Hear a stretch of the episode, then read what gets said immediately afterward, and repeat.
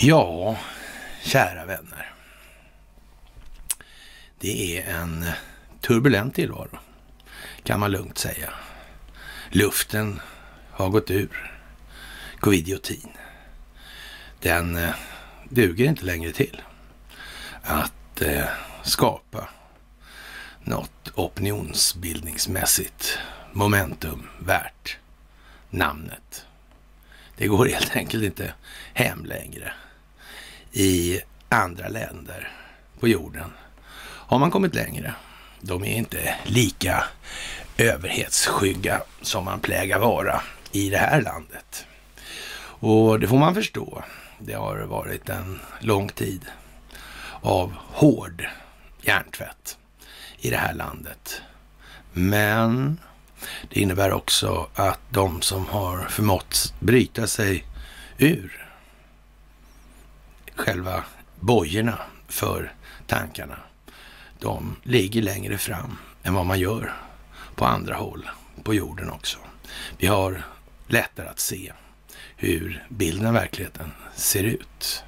Det har varit nödvändigt med den här hjärntvätten här i det här landet av numera för allt, allt fler människor kända skäl.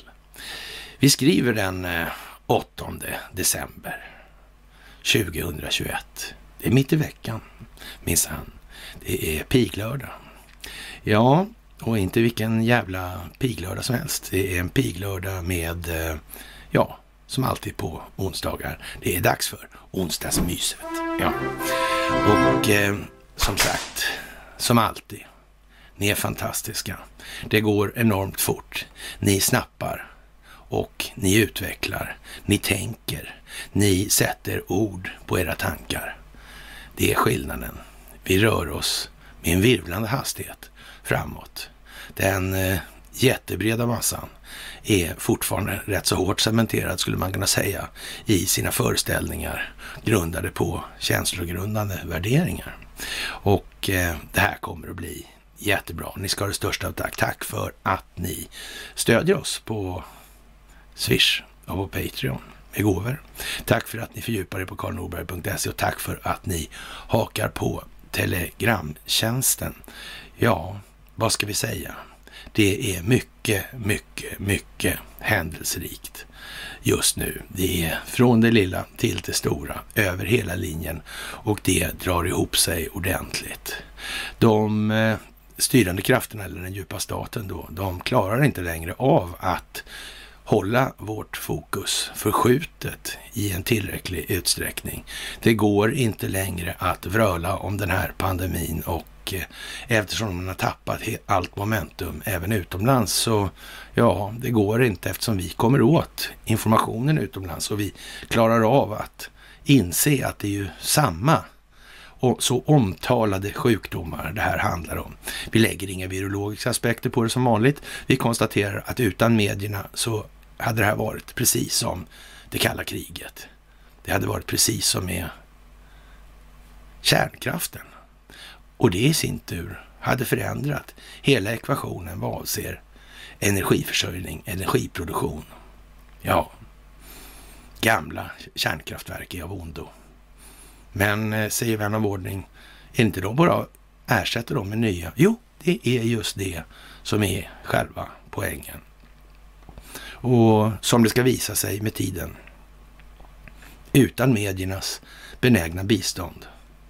För det är ju trots allt så att de här medierna kontrolleras av eh, samma intressen som styr läkemedelsindustrin, som styr kraftproduktionen, som styr det militärindustriella komplexet, som styr underrättelsetjänstkollektivet globalt. Är det här då en slump? Nej, det är det inte. Och eh, det är bra att ni kollar på den här senaste föreläsningen som ger ytterligare bitar i det här pusslet. Det här går alltså att bryta ner i små, små, små, små delar som går att lägga ihop till ett pussel. Det är det moderna kriget det handlar om. Det är det moderna krigets beståndsdelar. Det är ekonomi, det är informationshantering och det är den kinesiska militära verksamheten. Ja, vad ska vi säga? Det blir vad det blir och det blir som vi har sagt att det ska bli. Och eh, vi kan konstatera att vi ligger väl till i vår beskrivning i förhållande till omvärlden. Vi håller vår takt på ett högst rimligt vis. Till och med lite bättre skulle man våga tillstå. Och vi kommer att få absolut rätt i slutändan. En av de frågor vi brukar prata en del om eller som vi brukar belysa, förutom det här med det vi talar om på den här föreläsningen som jag tycker ni ska be alla era vänner att titta på så får vi strax ihop faktiskt en halv eller en kvarts miljon tittare på de här fem föreläsningarna det handlar om. Och det är ju inte så jävla pjåkigt direkt alltså. Det är ju rätt okej. Rätt okej faktiskt. Det får man ändå säga i det här landet. Ja, en annan aspekt eller ett annat verktyg i de här sammanhangen, det är ju det här med religionen. Ja, den är ju vad den är. Va? Och det gäller ju alla religioner. Vi kan till exempel prata om den politiserade judendomen, sionismen, som ett verktyg för att hålla människor separerade för att skapa polaritet, för att etablera konflikter och så vidare. Det är enkelt. Det förstår många. Vi kan prata om den sunnisekteristiska extremism som etablerades i Saudiarabien och Mellanöstern då i början på 1900-talet, runt 1920 där ungefär, lite tidigare och lite senare. Och eh, det, den det arabiska upproret som där var, där man då skapade det här och för att kunna skapa polaritet, för att kunna skapa partisering, för att kunna skapa kulisser. Det är alltid dividet impera, det är alltid härska genom söndring. Det är till och med explicit uttryckt så när det då avser situationen i Mellanöstern och Sykes-Picot-avtalet. Ja, och de här sakerna går vi igenom på de här föreläsningarna. Fram och tillbaka och ut och in och upp och ner och fram och tillbaka igen. Och så vidare. Men vi får som sagt hålla på om och om och om igen runt granen. Och det är vår uppgift. Det går ut på att hitta så bra pedagogiska vinklar, så lysande optik som möjligt för att människor ska få den bild som de kan koppla till sina egna föreställningar om verkligheten som förhoppningsvis förskjuts då med tiden efterhand som vi bedriver den verksamhet som vi bedriver.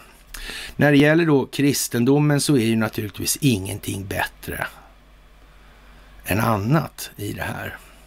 Det är precis samma sak. Och när det gäller den ja, vad ska vi säga, den ortodoxa kyrkan så är ju det precis vad det är. Och det här har sin grund bak då vid, ja, vad ska vi säga, 313 efter Kristus. Och när Konstantin då godkänner kristendomen som en religion och det var ju naturligtvis baktanke att kunna exploatera den här och kunna använda det som verktyg för att hålla människor i ja, schack då genom härska genom söndring. Och det här hjälpte en gubbe till som heter Athanasius. Och Athanasius var alltså en riktig skojare. Vi har beskrivit det här massor, massor med gånger.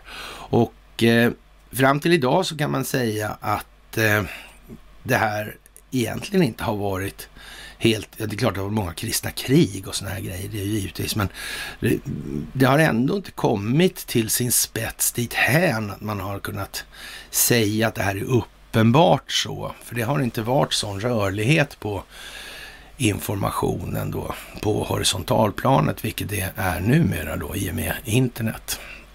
Och därför är det här dömt att hamna på det ställe där det borde hamna, det vill säga den intellektuella soptippen. Med det sagt, med det inte sagt ska jag säga, att det behöver vara dåligt med religion. Det behöver det inte alls vara. Utan det står massa kloka saker i det. här. Problemet är att religion till uteslutande delar har kapats som ett verktyg för maktintressen. Och företrädesvis då den del som har kontrollerat makten i övrigt. Det är inte så att kyrkan har stått upp mot makten i någon omfattning värd namnet. Det kan man inte påstå. Alldeles jävla glasklart så i den optiken. Eller glasklar ska jag säga då. En lurad församling skriver Dagens Arena och pratar då om en omfattande schism inom den ortodoxa kyrkan. Och där kan man säga det handlar om fader Kirill i Moskva och det handlar om att man från Ukrainas sida gör insatser för att närma sig den turkiska delen av det här då. Och, och det kan man ju tycka verkar lite väl uppenbart i dagens läge med avseende på utvecklingstillståndet i Ukraina. Och Ukraina är som sagt ett ställe eller en plats eller ett land där Sverige har haft särskilda sändebud i form av sådana moraliska föredömen som Jan Eliasson, Göran Persson och Carl Bildt. Och med facit i hand kan vi väl säga att eh, när då det visar sig att eh, Jan Eliasson har haft personliga kontakter med en sån som Staffan Hildebrandt med avseende på vad han har i sitt bagage. Och sen kan vi lägga till att med även, kärn, även personlig kännedom om Jan Eliassons förehavanden i olika diplomatiska sammanhang inte precis har gått till historien som något, eh, ja, ingen moralisk gigant om vi säger som så då. Den diplomatiska konvenansen var väl inte riktigt hans grej i alla lägen kan vi väl konstatera då. Göran Persson, han är ju av folklig börd som sig bör, då kan man väl misstänka tycker han själv, men ja, vi behöver väl inte utveckla oss i den delen. Vi kan väl säga så här att hans eh, ja, materi materiali eller filosofisk materialistisk orientering i alla fall inte är att ta miste på och följdriktigt så är han naturligtvis ordförande för Swedbank i det här läget. Det är alltså samma Swedbank som är inblandad i penningtvätthärvor, hej vad det går, och som har haft verksamhet i Ukraina. Den verksamheten har bestått i att tvätta pengar till exempel och finansiera terrorism till exempel och en rad andra sådana saker som man kanske normalt sett inte skulle förväntas av en, eh, ja, vad ska vi säga, förtroendevald som Göran Persson. Men det kanske egentligen bara speglar att det har egentligen aldrig varit bättre.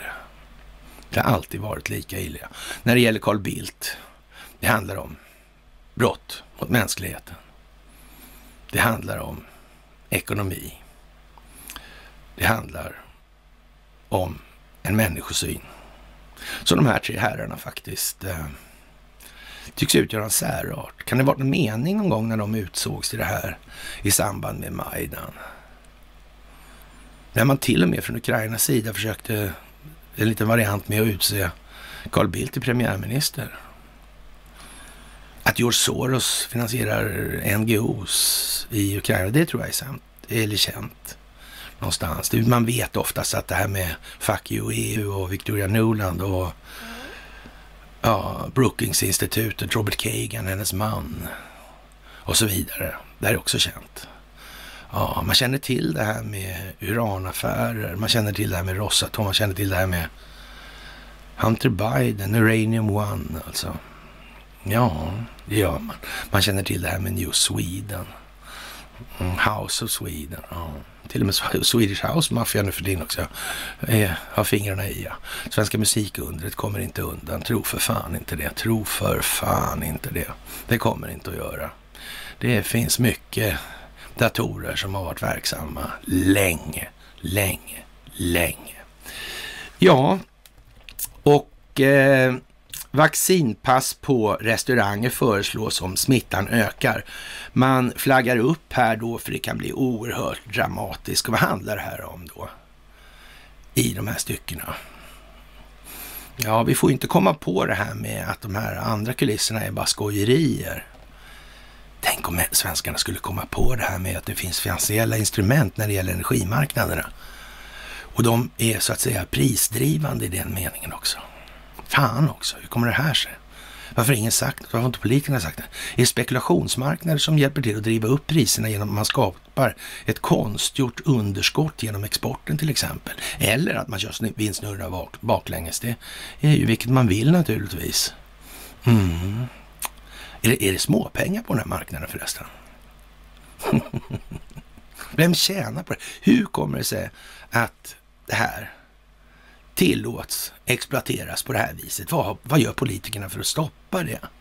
Det är ju uppenbart att det innebär en enorm kostnad till gagn för någon också. Men en enorm kostnad för samhället och medborgarna. Men ändå, ser vi dem skrika lungor nu så springer de benen av sig för att komma till rätta med det här. Är det vad vi ser? Eller ser vi inte det? V vad är det egentligen vi ser? Ja, det här måste komma upp nu. Jag har i min enfald tänkt så här när det gäller den delen att eh, ni har hört mig ofta och säga det här att det finns också finansiella instrument inblandade i det här. Det har jag sagt i åratal. Sådär. Men jag har på något vis tänkt att det här kommer ju någon greppa. I dagen till ära så kan jag bara säga miss igen. Dagens Industri hinner med en artikel idag. Som, eh, nu är det bråttom. Nu sätter ni er in i det där säger jag bara. ja, nu är vi långt ut på plankan för deras vidkommande helt enkelt. Hur som helst, då försöker man naturligtvis att gasa på med fokusförskjutning, det vill säga nu måste vi ha nedstängningar, nu måste vi ha ja, jätte mer moronic. Men problemet är med moronic att eh, ja, den är inte farlig. Det är de redan på det klara med utomlands. Och Hammarby bandy till och med. Ja, med bandyspelare. Ja, de eh, gammal historia om Hasse Bettenburg det där. Och ben, ja, Bernt Bempa Eriksson. Men den tar vi en annan gång. Ja, hur som helst, man, man väljer nu att tala om mer eller mindre öppet att det här är ju helt eh, lost. Alltså. Vi har, och alla vet nu att de här PCR-testerna inte funkar. Så hur vet vi hur stora frekvenser eller vilka frekvenser som råder och gäller när det gäller spridningen av de här smittorna när det inte går att testa? Hur är det ens möjligt? Vad är det man vet för någonting utifrån testerna? Om de inte fungerar? Man vet ju ingenting. Och eftersom samma tester används till exempel då med i fråga om hiv. Är inte det här konstigt? Hur är det egentligen med det där i så fall? Har de ljugit om det här? Ljuger de om det här? Har de möjligtvis ljugit om någonting tidigare? Och var det inte märkligt det här med spanskan? Var den började någonstans? Var den utgick ifrån på planeten? Var inte det konstigt? Mm. Det är märkligt. Mycket märkligt. Är det en slump? Men så här. Tänk om det inte är en slump. Tänk om det inte är en slump. Oj, oj, oj, oj, oj, oj, oj, oj. Då finns det lite utrymme för att det får plats några lögner till. För kan man ljuga om en sån grej, då kan man garanterat ljuga om mindre saker. Så är det också. Mindre betydelsefulla saker. Hur lätt som helst. Vågar man köra en sån blåsning, då får vi nog se det hela för vad det faktiskt är. Vaccinpass på restauranger då. Och det där är ju en lite känslig grej för många människor att inte få gå på krogen och ta sig ett järn eller sju. Ja, hur ska vi få folk att reagera? Vi får nog nästan börja misstänka nu att nu sker det här med någon form av öppet syfte i förhållande till vad som möjligen kan tidigare ha varit, ska vi nog lägga till nu här. För frågan är också den här att, men hur länge har då det fungerat på det här viset? Då måste man ju så att säga från den djupa statens kärnas sida måste man ju ha upptäckt förr eller senare att ja, det här verkar, förkylningen är mycket bättre förresten. Det här eh, måste man ha upptäckt går åt felaktigt håll. Man kan ju säga så här, vid krisen där, finanskrisen 7-8 där, ja då borde man ju rimligtvis ha insett att det här tilltänkta haveriet man ställde till med där, det gick ju inte så bra. Alltså då måste man ju senast ha begripit att, eh, ja, det här var ju konstigt. Och vi har sagt det förut, det här med Obama är märkligt. Man utser Michael Flynn två gånger och så vidare. Är inte det här lite udda ändå alltså? Mm. Och det måste ju ha varit så här trots allt att när, när så att säga, kärnan blev medveten om det här så får man väl anta då att kärnan gör som kärnan ofta plägar göra, börjar förhandla istället då i någon mån eller omfattning. Och kärnan är ju som sagt inte, det är inte frågan om någon lojalitet på det viset mot någon slags djupa staten-kollektiv, för det har sannerligen inte toppen och kärnans beskaffenhet har råd med. Utan de tänker på sig själva de istället. Så är det ju också. Där kan man ju säga att någonstans så går då eh, ja, den här strukturen från att vara kärnorienterad till att bli någon form av exogen funktion, det vill säga det blir som ett skelett eller ett skalet på en insekt då. då som lever sitt eget liv i enlighet med vad den har levat i ett antal hundra år. Så måste det också vara. Och Det kanske skulle kunna stämma lite grann med den här utvecklingen vi ser. Men som sagt, det här går ju inte att ta tidigare. Det måste man nog ta i delar faktiskt. Och det är till och med inte sådär alldeles glasklart. Och det är inte alls glasklart på många håll på den här planeten ännu. Men det lär ju bli det förr eller senare. Och sen får vi naturligtvis se vad det här mynnar ut i och hur mycket av vad som gäller i den ekvationen. Men som sagt, vaccinpumps på restauranger föreslås om smittan ökar. Och eh, regeringen måste ju hålla flaggan uppe lite grann. De har i alla fall inte gjort någonting bra för det allmänna eller så att säga befolkningen i landet under, ja, någonsin ens. Någonsin, någonsin, någonsin. EU kommer inte att lägga på lägga förslag om obligatorisk vaccinering och det kan man ju tycka är väldigt hyggligt av dem. Men eh, det här är ju någonting som är oerhört känsligt ur ett internationellt perspektiv. Och om man ställer det här i förhållande till vad FN-stadgan säger och kanske till och med den lite tvivelaktiga Nürnbergkoden då. Nürnbergkoden är ju som sagt vad den är utifrån att Nürnbergrättegångarna blev vad de blev i förhållande till det här med operation Stella Polaris och den utpressning som någon uppenbarligen utsatte fem länder för, alltså Japan, Tyskland å ena sidan och Frankrike, England och USA å andra sidan. Vilket då i sin tur innebar att exempelvis Bush-familjen eller då familjen Wallenberg inte blev inblandade överhuvudtaget i Nürnbergrättegångarna trots att de hade sina tillgångar frusta på grund av samarbete med fienden då. Det var från de allierade sida det här. Men man hade alltså den här, och det här går vi igenom på den här föreläsningen, som nu kom upp i tisdags igår alltså. Det här är väl värt sin tid att sätta sig in i för att förstå hur så att säga, den bakomliggande bilden egentligen ser ut och varför det här blev som det blev.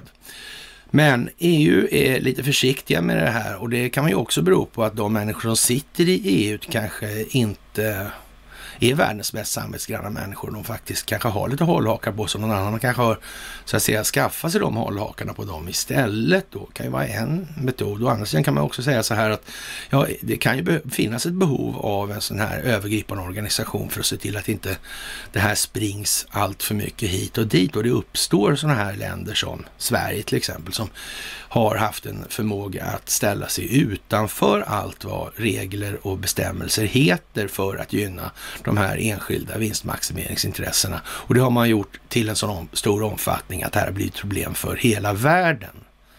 Så man kan ju säga som så, det finns lite båda delarna i det där. Men som sagt, EU i sin nuvarande form och tappning är borta mer eller mindre. Det är helt säkert med tiden.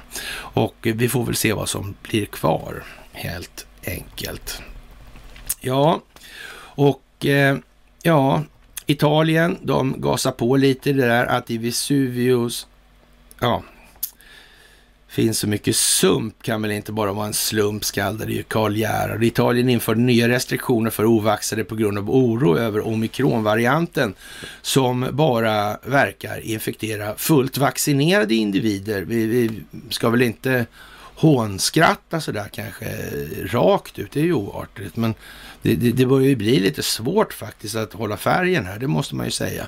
De flesta offentliga aktiviteter kommer att förbjudas för personer utan ett covid super green pass. Och, och, det kan man väl säga, ibland måste det ju vara extremt övertydligt och, och, och det där är väl inget sådär jättebra betyg åt eh, italienarna. De, Men å andra sidan har ju de eh, levt ett eh, ja, eh, den befolkningen har levt sina liv i lite moraliskt sus och dus helt enkelt skulle man kunna säga. Eh, en moralisk lättsinnighet av, ja, eh, svåröverträffad modell helt enkelt. Super Green Pass kommer att behövas för att komma in på teatrar, sportevenemang, restauranger och barer fram till i mitten av januari enligt Il Giornale. Överträdare kommer debiteras mellan 400 och 1000 euro. Och det är klart att Ja, alltså, tycker man inte att det, då får man ju ha begått rätt så att säga grova överträdelser. Och, och omvänt kan man då naturligtvis säga så här att det, den här typen av, av överspel är tydligen nödvändigt för att folk ska reagera då. Så kan man ju kanske säga med avseende på Karl Gerhards diktrader i de här frågorna.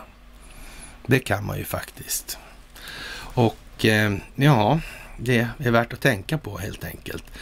Det går ju inte så bra för Magdalena och det, det kan man väl säga, ja, det här är ju lite rekord då med den här nya regeringen då kan man väl säga och ministrarna där och eh, ja, Ida Karkiainen då, hon heilar på där som ny civilminister, eller har gjort i alla fall då. Och, och kopplingarna bakåt är ju inte exakt obetydliga och, och ja, det är en ungdomsförseelse eller försyndelse kan man väl säga. Hon är ju trots allt i Gretas ålder när hon håller på med de här grejerna då och det är ju inte så där jättebra och det verkar inte så bra med Thomas Enroth heller och ja, det verkar ju vara lite hitåt och ditåt med allt möjligt här. Mm. Hon Lillbjäbban där, hon... Ja, hur är det? Hon som är ihop med Morgan då eller numera? Ja. Det där verkar konstigt. Det verkar som ett uppsamlingshit nästan. Det verkar som att det är liksom riggat för exponering i det här. Mm. Och noga räknat så verkar det inte finnas en enda i riksdagen som man säkert kan säga inte har fingrarna i, men det verkar finnas en hel del i övrigt i riksdagen. Så kan man nog säga. Mm. Och ja, jag vet inte, hur var det där med AFS och Bulletin och sådana här grejer. Gamle Tino. det går sådär. Han vill inte höra talas om skuldmättnad. Det finns inte i hans värld. Nej. Djupa staten finns inte heller. Nej. ja, det börjar se surt ut på den bänken kanske nu va? Kanske lite grann. Ja, det verkar vara lite snäv i perspektivet, skulle man kunna säga. Han har en kon och tittar i. Ja, ja, så kan det bli ibland när man inte tänker på att omvärdera sina känslogrundande värderingar. Det här är alltså inte alls uppsåtligt skapat som ett uppsamlingshit av värsta sortens byfåningar och politiska och moraliska stolpskott. Ska vi gissa på en kommande pundande minister nästa gång eller en som har skyltat med aggregatet i fel sammanhang? Nej, men skyltat med aggregatet i fel sammanhang, det får man nog säga. Det får vi nog räkna med är någonting som kommer i en ganska stor utsträckning här och det ser vi väl redan då när kanske Jan Eliasson ja, så att säga, har sitt eller sin bekantskap med Hildebrandt tapetserad över medierna, då kan vi väl ana att det ligger lite i farans riktning för att det här, ja, det kommer en andra och tredje vers också minst. Så är det naturligtvis. Man primar då för att det ska inte bli för mycket på en gång, utan nu börjar folk bli lagom irriterade. Vad fan också. Och, och ska man se då till vilken framgång de här har rönt då Göran Persson, Carl Bildt och Jan Eliasson då när det kommer till då ekonomi och demokratiutveckling i Ukraina så får vi väl ändå anse att det är ett riktigt speciellt märke. Anmärkningsvärt helt enkelt kan vi säga. Och det är inte i någon positiv bemärkelse. Så, så var det mycket märken i den. Jaha, och eh, som sagt, Ryssland har inget behov av Swift. De har ett eget Swift och vad ska vi säga? det är när då man börjar tala om kärnvapenalternativet i ekonomiska sammanhang, det vill säga att klippa av Ryssland från Swift, ja, då är det ju lite som det är helt enkelt. Det är ett eh, originellt repressivt metodval kan vi säga. Och eh, det är för att skapa optik, det är för att människor ska förstå, det är för att folk ska få bilden. Människor har förstått mycket, folk rör på sig nu ordentligt. Det rör på sig ordentligt i USA. Och och eh, som vi har sagt, den här med valet börjar bli en riktigt, riktigt speciell historia. Och igår var det då 80-årsdagen för Pearl Harbor, det vill säga det var dagen när BB39 gick till botten, det vill säga vårt gamla kära slagskepp som vi brukar tjata om. Och minsann, minsann, minsann, minsann kom det inte hårda fakta upp i det här om metoden. Hur hade man gjort egentligen?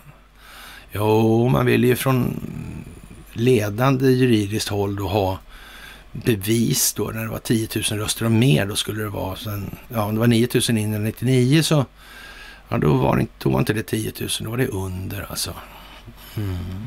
Så man kunde ju ha rätt många där på 9 999 utan att man uppfyllt de där 10 000 och ändå få ihop rätt ansenliga summor. Mm. Kan det vara en delmetod i det här kanske som man gjorde för att kunna pumpa siffrorna ordentligt? Att man hela tiden låg i underkant på så otroligt många. Jag tror vi sa det från början, va? man har fuskat på så många sätt man kan. Just det här med att det är så många sätt man kan, inte bara ett sätt och så flytta alla rösterna med en metod. Då är man ju lite dum i huvudet. Så trög får man inte vara. Och vi sa det från början att så många sätt man har kunnat. Och det är just det som avses alltså. Man har fuskat, hej vad det går. Och det är alla möjliga konstiga varianter. Och sen finns det naturligtvis sätt där man har skjutit över de där tio rätt ordentligt, men det spelar kanske ingen roll. Och om man tittar, och när man kommer att titta på de här olika, det har man redan gjort naturligtvis, men när man kommer redovisa att man har tittat på de här olika valen i olika delstater så kommer man kunna se ett mönster. Och vad beror det här på då? Kan det vara så att det är datorer inblandade i de här sakerna? Kan det vara kvantdatorer? Eller? Eller är det en gammal ABC 80 från 1980-talet? man vet ju inte. Man vet ju helt enkelt inte. Nej, men det lär vi ju se förr eller senare. Jaha, och eh, föräldrarna portas från julavslutningar. I Sverige går det ju inte med, med sån här super green pass och, och, och 100 000 spänn i böter. Det, det är ju liksom, ja det, det, blir helt, då blir helt folk, folk blir helt handlingsförlamade. Det är alldeles för mycket då, och, och de har inte tillräckligt mycket andlig, och moralisk och själslig resning för att ställa sig upp mot då övermakten. Ja, så man får hålla på med sådana här lagom trakasserier då, som känslomässigt engagerande ändå. Då har man då beslutat i Skåne att man rekommenderar då, det man säger så här, det är ingen pålaga på det sättet, alltså att det är tvång i det här, utan man rekommenderar att inte blanda olika skolklasser och inte heller bjuda föräldrar och syskon till olika former av firande i skolan, rapporterar P4 Malmöhus. Då. Det, är viktig smittskydds, det är en viktig smittskydds, smittförebyggande åtgärd att inte blanda klasser och att Lucia tog julavslutningar eller julkonserter för flera klasser eller för föräldrar och syskon inte är lämpliga, skriver Smittskydd Skåne i en skriftlig kommentar till P4. Rekommendationen från Smittskydd Skåne gick ut till alla skolor i slutet av förra veckan. Ja, det är ungefär på den nivån. och, och vi har ju en bit kvar så att säga innan det här eh, kalla raseriet infinner sig. Nu är ju folk väldigt förvirrade till stora delar och, och man får faktiskt eh, försöka tänka lite på det här nu. Det, det är omvälvande när ingenting man trodde i tillvaron var verklighet utan allting var byggt på en lögn. Det, det, är en hel del grejer att ta tag i då rent känslomässigt, inte minst med sig själv då och sin syn på sig själv som kanske inte blir sån då att man det var ju bra av mig att ha räknat ut det här så. duktigt för så länge sedan och så är ju en tanke som kanske inte infinner sig så ofta just vid det tillfället hos så många. Det kan vi räkna med lite grann. Det blir i alla fall en jul att minnas, det är alldeles säkert. Och eh, Chris Cuomo det är ju en riktig lirare alltså och ungefär eh, lika konstgjord som han är så är han ju naturligtvis. Det är precis den känslan som människor får som Ja, den är rätt helt enkelt. Och bakom det här så finns det ju något helt annat. Och vad kan det vara för någonting då? Ja, det är ju naturligtvis en av de grundläggande och vanligaste grejerna. Det är ju det här sexuella alltså på något vis. Det är på något sätt så att det är någonting som måste tas igen. Som inte gicks igenom en gång i tiden. Och hans äldre bror då, han har ju naturligtvis lidit av samma åkomma. Och möjligtvis är det här någon form av eh, ja, vad ska vi säga, socialpsykologisk programmering som de har gemensamt någonstans ifrån, företrädesvis då hemifrån kan vi gissa, till exempel då. Och eh, den här fenotypiska påverkan då, eller socialpsykologiska påverkan ska vi kanske enklare säga då, den, eh, ja, den sätter sin prägel och, men vi har i alla fall också sagt det att hon Magdalena Andersson har ju förmodligen, i alla fall det gemensamt med Chris Cuomo, att eh, ja, en viss lojalitet mot familjen tycks ju föreligga då i Magdalenas fram, fall då snarast mot den här professorn i valutaregimen då, han som har Jakob Wallenberg-professuren på Handelshögskolan, Richard Friberg alltså. Det kan man ju tänka på och det kan ju vara faktiskt lite bra i och för sig då i någon mån. Men frågan är vem som egentligen utnyttjar det i det här läget. För är det så att det är stackel på husse, om husse sitter i skiten historiskt med hjälp av kopplingen att det är häxor och så vidare. Och det är klänningar och det är polishögskolor och det är gamla rederier och det är hej och hå och det är Epstein och det är Handels och det är Maxwell och det är Barbro Enbom och det är Svide, Tulehuset och Tulesällskapet och de man mörkar kopplingarna till Adolf Hitler och finansieringen och IG Farben och så vidare och så vidare och så vidare och så vidare. Och så här, som vi brukar hålla på. Men det sitter ju faktiskt ihop. Det är ju ingen slump. Det är ju ändå samma personer. Det är samma strukturer. Det är samma bakomliggande intressen. Det är det och inget annat som verkar ledande. Det finns inte en rymdödla i sikte. Och man kan väl säga så här, när eh, Klaus Schwab börjar prata om eh, Antarktis, anti-Arktis alltså. Antarktis, anti-Arktis från början. Ja och tyskarnas resa i, med, med avseende på invasionen av Norge och drottning Mauds land. Vad gjorde man där nere egentligen? Vad var Anna Nerbe för någonting? Vem var Admiral Byrd? Vad gjorde han? Vad pysslade tyskarna med? där nere. Anna Närbe, var det stort eller litet? Fanns det svenska kopplingar in i Anna Närbe? Ja, fanns ju kopplat dit. Men det försöker man mörka lite grann ändå. Av någon anledning, undrar varför. Så här i efterhand, konstigt. Tulhus finns det många i Sverige. Många, många, många. Tulesällskap vet vi vad det var för någonting. Försäkringsbolaget Thule vet vi också vad det var för någonting. Vilken familj det var som startade, vilka som var huvudägare, vilka två familjer det var. vet man också. Det är känt, det är känt, det är känt. Det kanske måste vara så som det blev. Det måste bli så kort sagt för att kunna spela det här vidare. Det verkar i så fall väldigt planerat. Kan det vara så? Vi får se, vi får se. Ja, men hur som helst, Chris, Chris Cuomo, han tycker i alla fall att CNNs vd Jeff Zucker är en riktig Zucker och eh, han visste om de här inblandningarna med brodern Andrew Cuomo, att han ville skydda honom då. Och han började helt enkelt, ja, gola ner hela det här. För det kan ju vara så att Chris Cuomo har räknat ut att nu kommer det tråkiga saker. Maxwell-rättegången har börjat och den verkar ju helt uddlös om man får tro Expressen. Men vad är det för metodval man kommer ha valt här tro? Kan det vara ett eh, Sussman-fönster? Det där som Durham öppnade genom åtalet mot Sassman. Det var ju liksom inte, det är inte Sassman någon är intresserad av längre. Det har ju liksom, om han får en månad i finkan eller ingenting, det är ju närmast skit samma.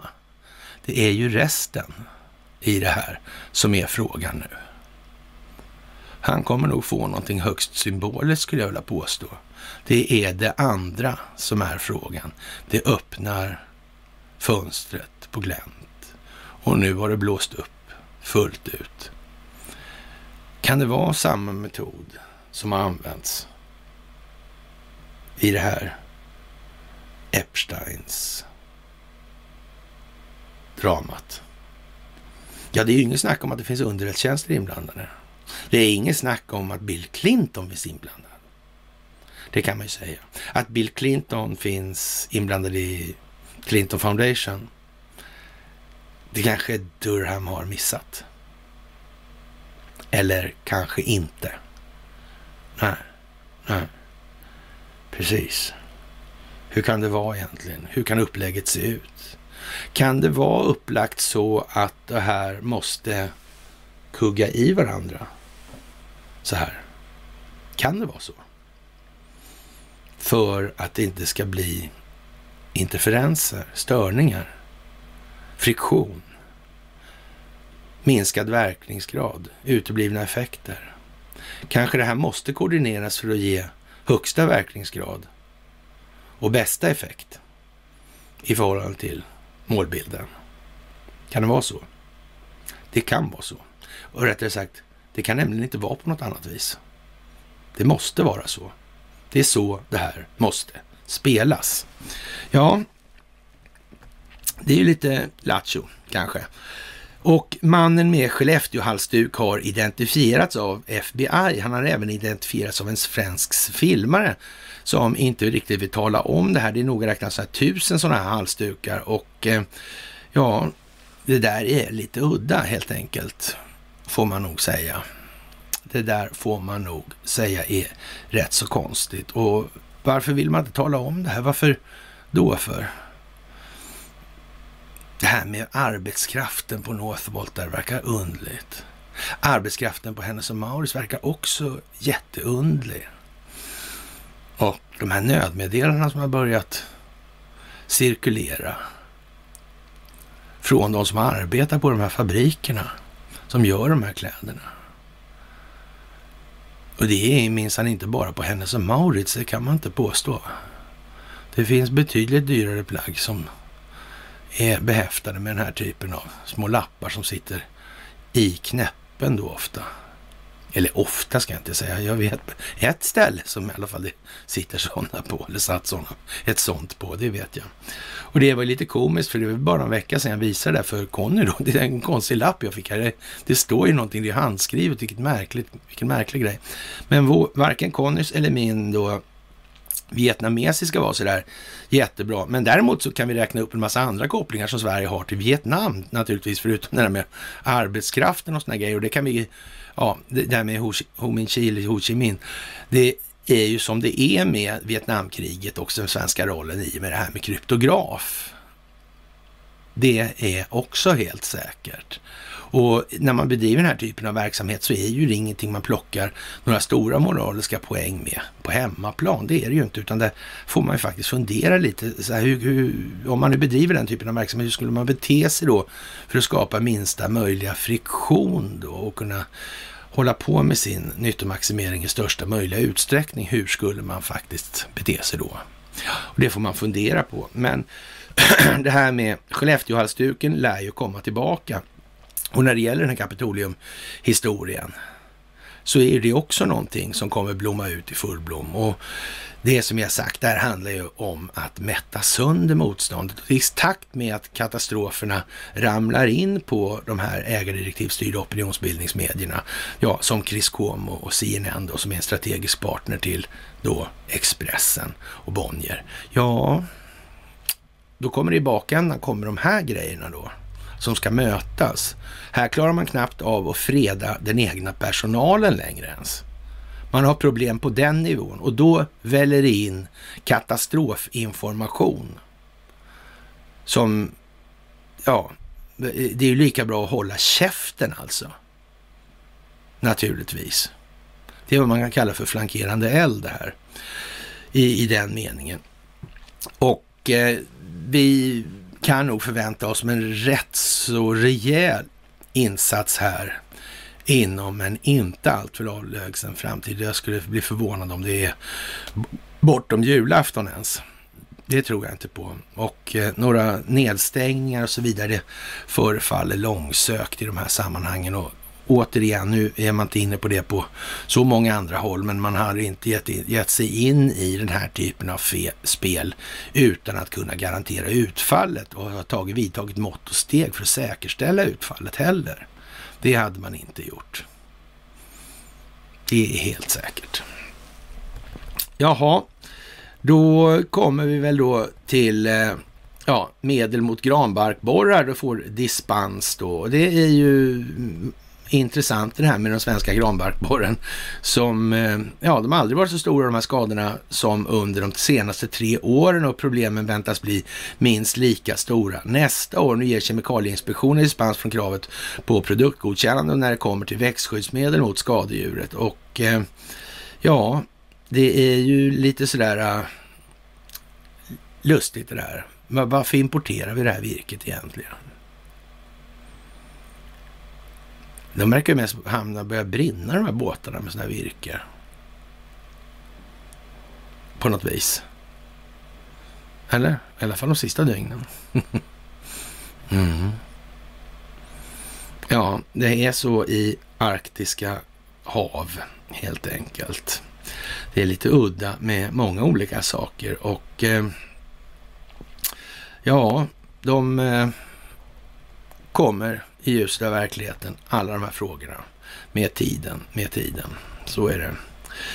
Jaha, och istället då för att ägna sig åt Hunter Bidens laptop så har det kommit fram då att SEC börjar lägga utredningsinsatser mot då Trumps, det här mediaföretaget som han eh, har startat och eh, det är ju lite konstigt kan man tycka och man får nästan intrycket av att det är riggat för att det ska se ut så här.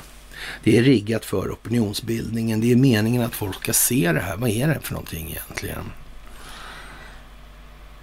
Och vad ska det bli av det här? Det talar man inte om så långt på förhand. Vi, det är oss förunnat att kunna tala om att de här kommer försvinna. Och eftersom de bestämmer över de all, alla de andra här så blir det tjurigt för alla andra här också. Som har suttit och bestämt. Så är det ju. Men hur ska det här spelet spelas? Varje steg, varje sekvens ur varje perspektiv. Det är en annan fråga. En betydligt mer komplicerad fråga. Men det är bra om man har en dator då naturligtvis. Men eh, slut målet i det här, det är ju att det ska vara ett öppet och fritt internet. Det är ju det som är själva slutmålet. Och då har inte de ägardirektivstyrda opinionsbildningsmedierna en enda chans. Om det blir så. Den dagen är det lika bra att de tar ner flaggan så slipper de förnedringen. Det är ju bara så. De har ingen dragkraft alls på egen hand. Jag menar, det är ingen som lyssnar på en människa som Göran Persson utan att han har en massa skyltar, trumpeter, orkestrar, ljus och hej och hå för att dra uppmärksamhet till. Så det är ingen som lyssnar på honom. Det är ingen som lyssnar på Dan Elia, Jan Eliasson. Det är ingen som lyssnar på Carl Bildt. Det är ingen som lyssnar på Magdalena Andersson. Kort sagt kan man säga så här, hur många organisationer har de här människorna egentligen skapat från grunden någon gång? Har de ens varit lagledare för ett knattelag i innebandy de där? Nej, det är knappt så mycket ens. Och är det så så är det inom ramen för en större struktur i alla fall. Så det, men självgående, nej. Nej, nej, nej, nej, nej, nej. Det är så långt ifrån det naturliga ledarskapet som det någonsin går att komma. De kan helt enkelt inte. De ser inte över skoskaften. Inte de springer runt i sina egna skor där nere inuti och tror att det är hela världen. Ja, så är det. Jaha, och eh, Devin Nunes, han kommer att lämna kongressen för att bli vd för Trumps mediaföretag och det kan man väl se som en lite udda information så här dags. Och möjligen är det väl så att det finns en rätt så stor utbredd motstulenhet på sina håll. Det finns folk som börjar misströsta. Det finns folk som inte riktigt förstår hur det här måste spelas utifrån vad vi ska åstadkomma för någonting. De vill gärna ändå har kvar sina känslogrundande värderingar sedan tidigare och tror att de ska vara applicerbara på framtiden. Det är helt enkelt inte deras fel att det ser ut som det gör. De har ingen del i det. De har ingen del i sin egen belägenhet i den här saken. De är bara offer. De är bara apostlar i hopplöshetens religion. Det är bara så. Men eh, vi vet bättre. Så vi står på och vi kommer stå på och vi kommer att vinna. Vi kommer att vrida runt det här helt och fullt med god fart åt andra hållet. Jaha, som sagt, Next Stop Antarctica, Klaus Schwab. Och det här Neuschwabenland då är ett område i Antarktis och eh, ja, det är en del av det här drottning Mauds land då som man gjorde anspråk på 19 januari 39 till 8 maj 45. Och det här är någonting som man bör sätta sig in i faktiskt, för det här är helt garanterat mycket, mycket mer viktigt än vad många, många människor faktiskt har en aning om eftersom de inte har någon aning om att det här existerar överhuvudtaget. Och, och det är lite grann som att vad ska man säga, man, man måste någonstans förstå att det går inte bara att strunta i saker på det viset. Och den här båten som gick den rätte just Schwabenland då såklart naturligtvis. Och, och ja, man har bedrivit en massa olika former av forskningar kring det här och den här amiralen vi pratade om tidigare, här Admiral Byrd, han var med och drev någonting som hette Operation High Jump och det finns filmer om det här och det här är ju mycket märkligt. Det här i sin tur sitter alltså ihop med det här Anna Nerbe-projektet och det gör även forskningen på Antarktis. Och det är nog bra att sätta sig in i vad det här Anna var för någonting. Och man kan till och med göra sig besväret och kolla det här Sven Hedin-institutet. Och så kan man tänka på den här jakten på försvunna skatten. Och så den här, det var den där gubben som sprang omkring i den här hatten. Och, och, och, och försökte komma på de här konstiga skatterna som hade konstiga krafter. Och det kan ju egentligen bara varit så simpelt som att det var frågan om någon form av teknologi. Då. Och, och det här i sin tur kan ju ha bäring på Boris Johnsons uttalanden i fråga om de här tidigare civilisationerna där Doggerland, där Doggers bankar och det där och så. Faktiskt. Och hur folkrörelser har fungerat och varit tidigare och möjligtvis kan det vara liksom själva fundamentet för att förstå vår historia på ett bättre sätt. Och utifrån det kunna bättre förstå varför vi befinner oss där vi gör med avseende på att någon faktiskt har förvanskat historieskrivningen med uppsåt i det här. Och, och, då ska man nog inte helt utesluta heller att det kan ju finnas teknologiska landvinningar i det här. Ja, Med avseende på att tidsdräkten eller tidslängderna är ju rätt så långa. Alltså det kan ju ha funnits teknologier och sånt som inte nödvändigtvis behöver bara vara hittepå alltså. Utan det ska man nog inte utesluta i alla fall. Det verkar dumt, rent ut sagt. Och eh, många har ju faktiskt upptäckt det här och det är ju roligt att se att många faktiskt lägger ner lite energi på de här frågorna och, och, det är ju mycket som är lite udda kan man ju kanske säga, men det är ju ändå inte sånt här som att det är blodsdrickande ödlor och det är alla sådana här avarter. Men det är klart att de som har gjort det här är naturligtvis jävligt tacksamma för bloddrickande ödlor och frimicklande byfånar och lalalala. Man kan ju säga så att var man i deras kläder, då skulle man ju om inte, även om det inte fanns några bloddrickande ödlor och några ordenssällskap värda namnet, så hade man väl ändå sett till och skaffa fram sånt och odla de här myterna och så kunde ju folk sysselsätta sig med det då i, eftersom det här rör sig om bedrägerier i, vad ska vi säga, rätt så stor omfattning och på ganska stor skala så måste det vara e- en otroligt god investering. Väl investerade pengar skulle det, insatser helt enkelt i hög verkningsgrad på dem. Och det ska man inte heller glömma bort nu. Det är ju lite sådär alltså. Och eh, ja, det finns ju många olika ja, idéer om varför det här är och så vidare. Men man eh, får liksom försöka hålla näsan lite ovanför marknivån helt enkelt och försöka hålla vidden på perspektiven för att inte de ska bli för snäva helt enkelt och för korta. Det är viktigt nu. Det är hela grejen. Vi måste hålla blicken, lyfta. Så är det bara.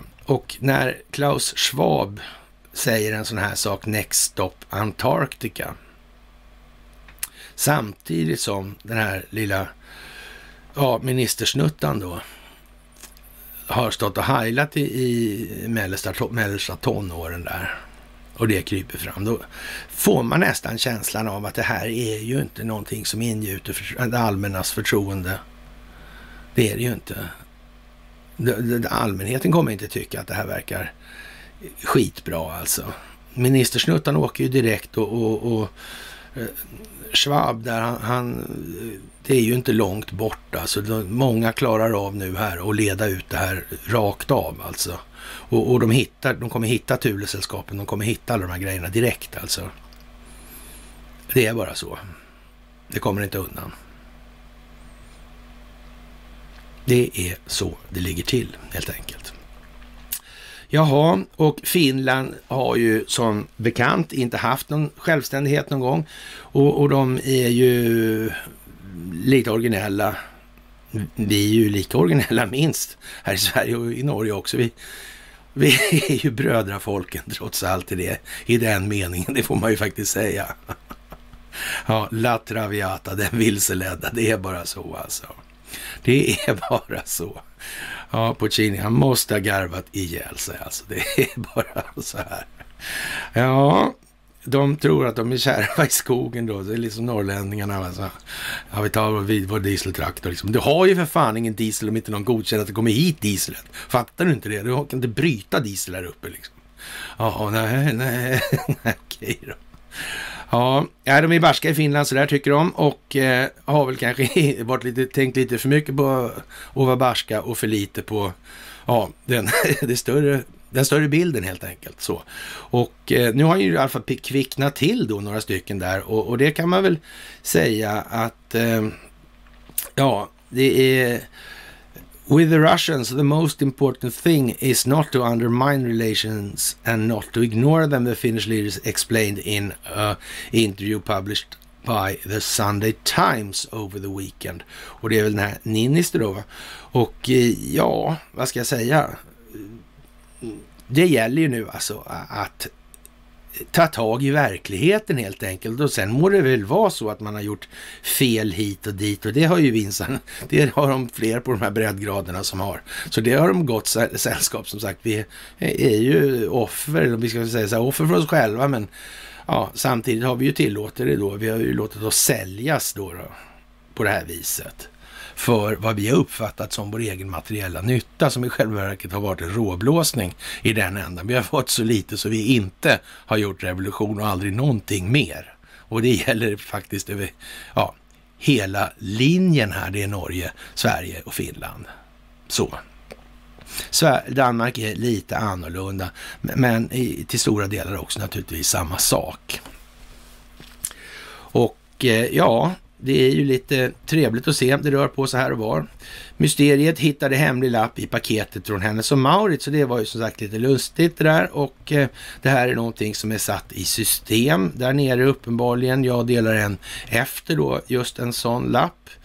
Och eh, det var ingenting från Hennes och Mauritz och eh, ja, men det var uppenbarligen gjort i samma härad då, om vi uttrycker det som så. Styrud, Stockholm måste öka takten. Det håller inte det här och eh, det är en överläkare som är en sellout naturligtvis och sådana finns det naturligtvis hur många som helst av och eh, de som trodde att läkeriet var på något vis var undantaget det här med mänsklighet och i själva verket var någon form av föregångsmannaskap för moral och eh, etik de kanske får tänka efter lite till då. Man, kan väl säga så här att det här med självbetraktelse är ju vad det är och egots roll för självet alltså. Det är ju vad det är och ibland så blir egot väldigt stort sett utifrån hel, självets helhet och det kanske till och med är dominerande då. Va? Och då kan man väl kanske betraktas lite som egocentrisk eller egoistisk rent utav. Alltså. Och, men de här begreppen är jag inte säker på att läkarlinjen lägger enorma energier på att reda ut. Alltså, det tror inte jag. Eller rättare sagt, jag vet att det inte är så. Det vet jag. Faktiskt. Och ändå så ska de göra sig till tolk för jag vet inte vad. Och nu, nu för tiden är det ju så att nu ska de ju även, nu när de, och, och eh, kanske det mest vanartiga i det här moraliska sammanhanget, det är ju faktiskt det här när de börjar uttala sig om ekonomi. Det är ju faktiskt mycket speciellt alltså. Det får man ändå säga. För någonstans är det så att jag tror inte att det är just det på eh, läkarlinjen man går igenom det här med ja, monetärmekaniken eller vad som utgör den monetärmekaniska grunden för samhällsutvecklingen, det vill säga vad pengar är och vilka effekter och konsekvenser det för med sig för ekonomin som helhet på lång sikt. Är det ens möjligt att göra ett långsiktigt hållbart samhälle med det här systemet? Svaret är nej, såklart, och det vet alla som följer det här i alla fall. Mm. Men ändå, hur kommer det sig att läkarna är sådana då? Att de uttalar sig om att det här är en samhällskostnad och så vidare. Men din dumma jävel, håll käften liksom. Vad är räntekostnaden på lånen till bankerna? Det vill säga den cirkulerande penningmängden. Vad är den? Ja. Liksom håll käften, du fattar ju ingenting. Du gör ju bara bort det, tyst, nu. Men eh, nej, de är läkare och i en allmängiltig befolkningsmässig mening så har de vettiga saker att säga som en konsekvens av att de är läkare. Fast de förstår inte ens fundamenta i, i det sammanhanget. Skomakare blir ju din läst. Sen om det är vad du är för typ av skomakare, det är en annan sak. Liksom. Men, uh, Ja, underbygg gärna dina argument i sak. Gör det ekonomiskt. Alltså förklara gärna det här med skuldmättnad, att det beror på det och så vidare. Och så leder i logiska, konsekventa argument till grunden. Gör det. Då är det väl helt okej. Okay. Då kan man vara både skomakare, snickare, rörmokare, läkare, eh, professor i informatik eller vad man vill alltså. Det är bara så. Dock bör man knappast vara nationalekonom, för då har man, har man inte upptäckt det här då, då, ja, precis. Det här med professor i planekonomi, det är som det är alltså. Det har funnits förr. Den typen av villfarelser som institutionaliserade etableringar. Ja, det har funnits förr. Det är inte första gången i människans historia. Och det är inte sista heller. Det är det inte. Det kommer att försöka smyga sig på. Smyga sig in. Infiltrera, korrumpera, manipulera, härska genom söndring och så vidare. Ja, jag blev chockad. Jag känner djup avsky. Och min sanna kommer han. Ja, det är ju inte alls ett dugg anmärkningsvärt. Jan Eliasson kommer där. Och eh, Staffan Hildebrandt flög 13 år i thailändsk pojke till Sverige. Det finns en uppsjö av saker med det här. Hur gick det till egentligen med de här filmerna, 80-talsfilmerna? Han blev ju liksom en trendsättare. Det fanns fler i de här sammanhangen. Det fanns någon till där som blev väldigt stor i USA, dock inte Mitt liv som hund, va? var det inte sånt? Kanske. Eller vad var det där? Det var lite sådana här grejer. Så rätt mycket amerikanska filmer också. Nästan, kändes nästan lite kopplad till Hollywood snarare. Den där. Han han ju ska komma smygande längs den här vägen som Hildebrand blåser ifrån, ja. Ja, filmregissören Staffan Hildebrandt fick sammanlagt mångmiljonbelopp för att producera sina filmer och de här sponsorerna, det var Telia, ABF, LO, Sparbanken, SF, Fryshuset och SVT. Hildebrand hade också många mäktiga vänner, främst bland socialdemokratiska toppolitiker och när man börjar rota i det där så hittar man ju ofta saker då i de här gamla härvorna. Man hittar det här med Doris Hopp och ja, då hittar man ju Geijeraffären och då hittar man Leif GW Persson och då hittar man Olof Palme och då hittar man en massa saker i det här. Ja. Sandhamnsligan, amfetamin och... Ja. Hur var det här egentligen? Var det verkligen som det var sagt allting? Nej, det var ju inte det. Helt säkert var det inte det. Garanterat helt säkert var det inte det. Jävligt stensäkert. Bombis. Ja, Jaha, i boken G som är gärningsman och i en intervju med Expressen erkände förra veckan filmregissören Stefan Hildebrand att han förmått två pojkar, 13 och 15 år gamla, att ha sex med honom genom att locka med filmroller, utlandsresor och jobb i filmprojekt. Eh, nu måste vän av ordning omedelbart ställa sig frågan då kan man tycka, så här, om de var två pojkar och 13 och 15 år gamla. Jaha, var den här thailändska pojken det eller? Eller då blev det ju tre om det var den där första thailändska pojken plus de här två då.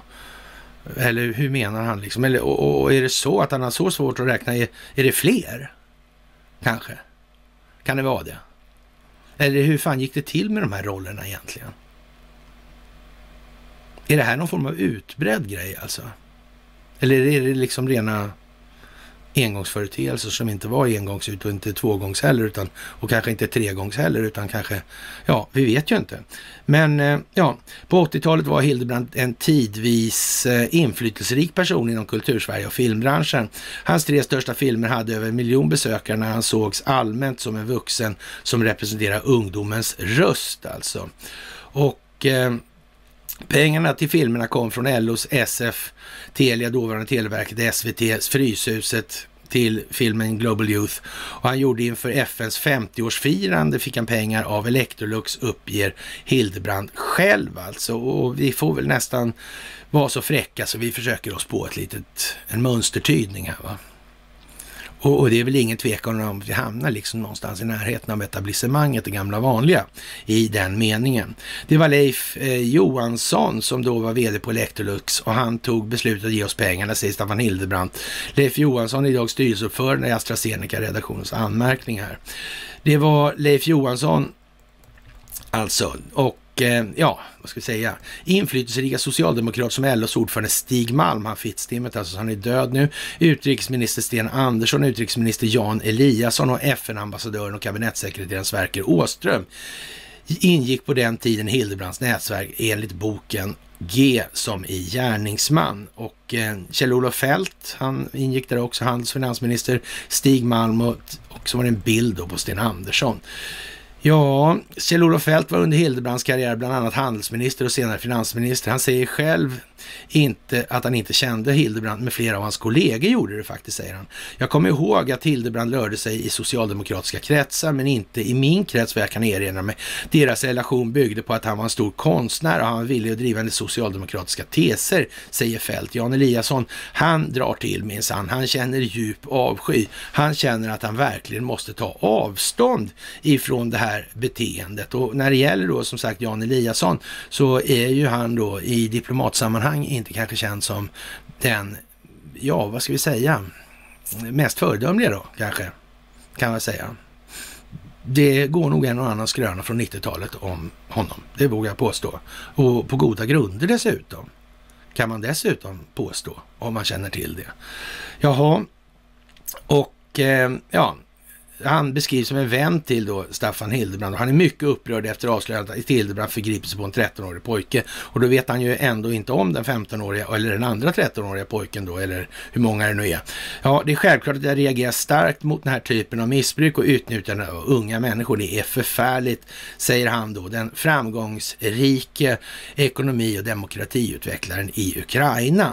Och att det här kommer nu då med den situation som gäller i Ukraina, det får man ju ändå se som lite speciellt alltså i ljuset av till exempel vad som händer med Ghislaine Maxwell och hennes farsa Robert Maxwells verksamhet som inte till ringa del kommer kunna kopplas till Tulehuset och en viss Hambro-familj som dessutom går att koppla till Bank of England, den familjen och så vidare i allt det här. Och det går dessutom att koppla Bank of England till finansieringen av Adolf Hitler och så vidare och så vidare och så vidare. Och så vidare. Det är samma gamla vanliga, det går runt, runt.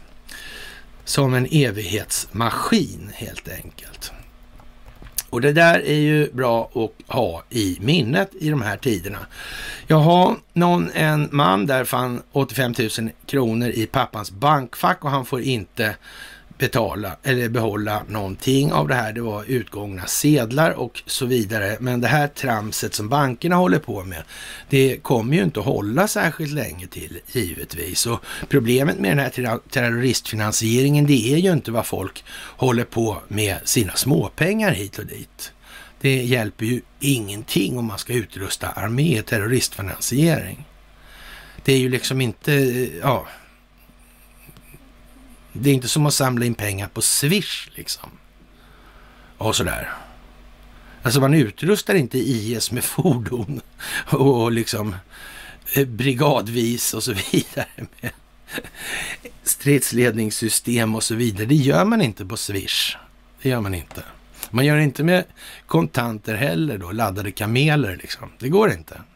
Det måste ske på ett annat, det är mera storskaligt liksom. Och för att det ska kunna vara storskaligt så måste det finnas med banker inblandade i det här. Det är bara så. Och en sån bank råkar vara Swedbank, där Göran Persson, en fin demokrati och ekonomiutvecklare i Ukraina, råkar vara ordförande just vid det här tillfället. Är inte det en slump, så säg. Det är illavarslande för det politiska etablissemanget, det måste man väl ändå säga. De verkar liksom utplockade på något konstigt vis här vid det här tillfället. Men det lär ju visa sig hur det ser ut med den saken. Var så säkra.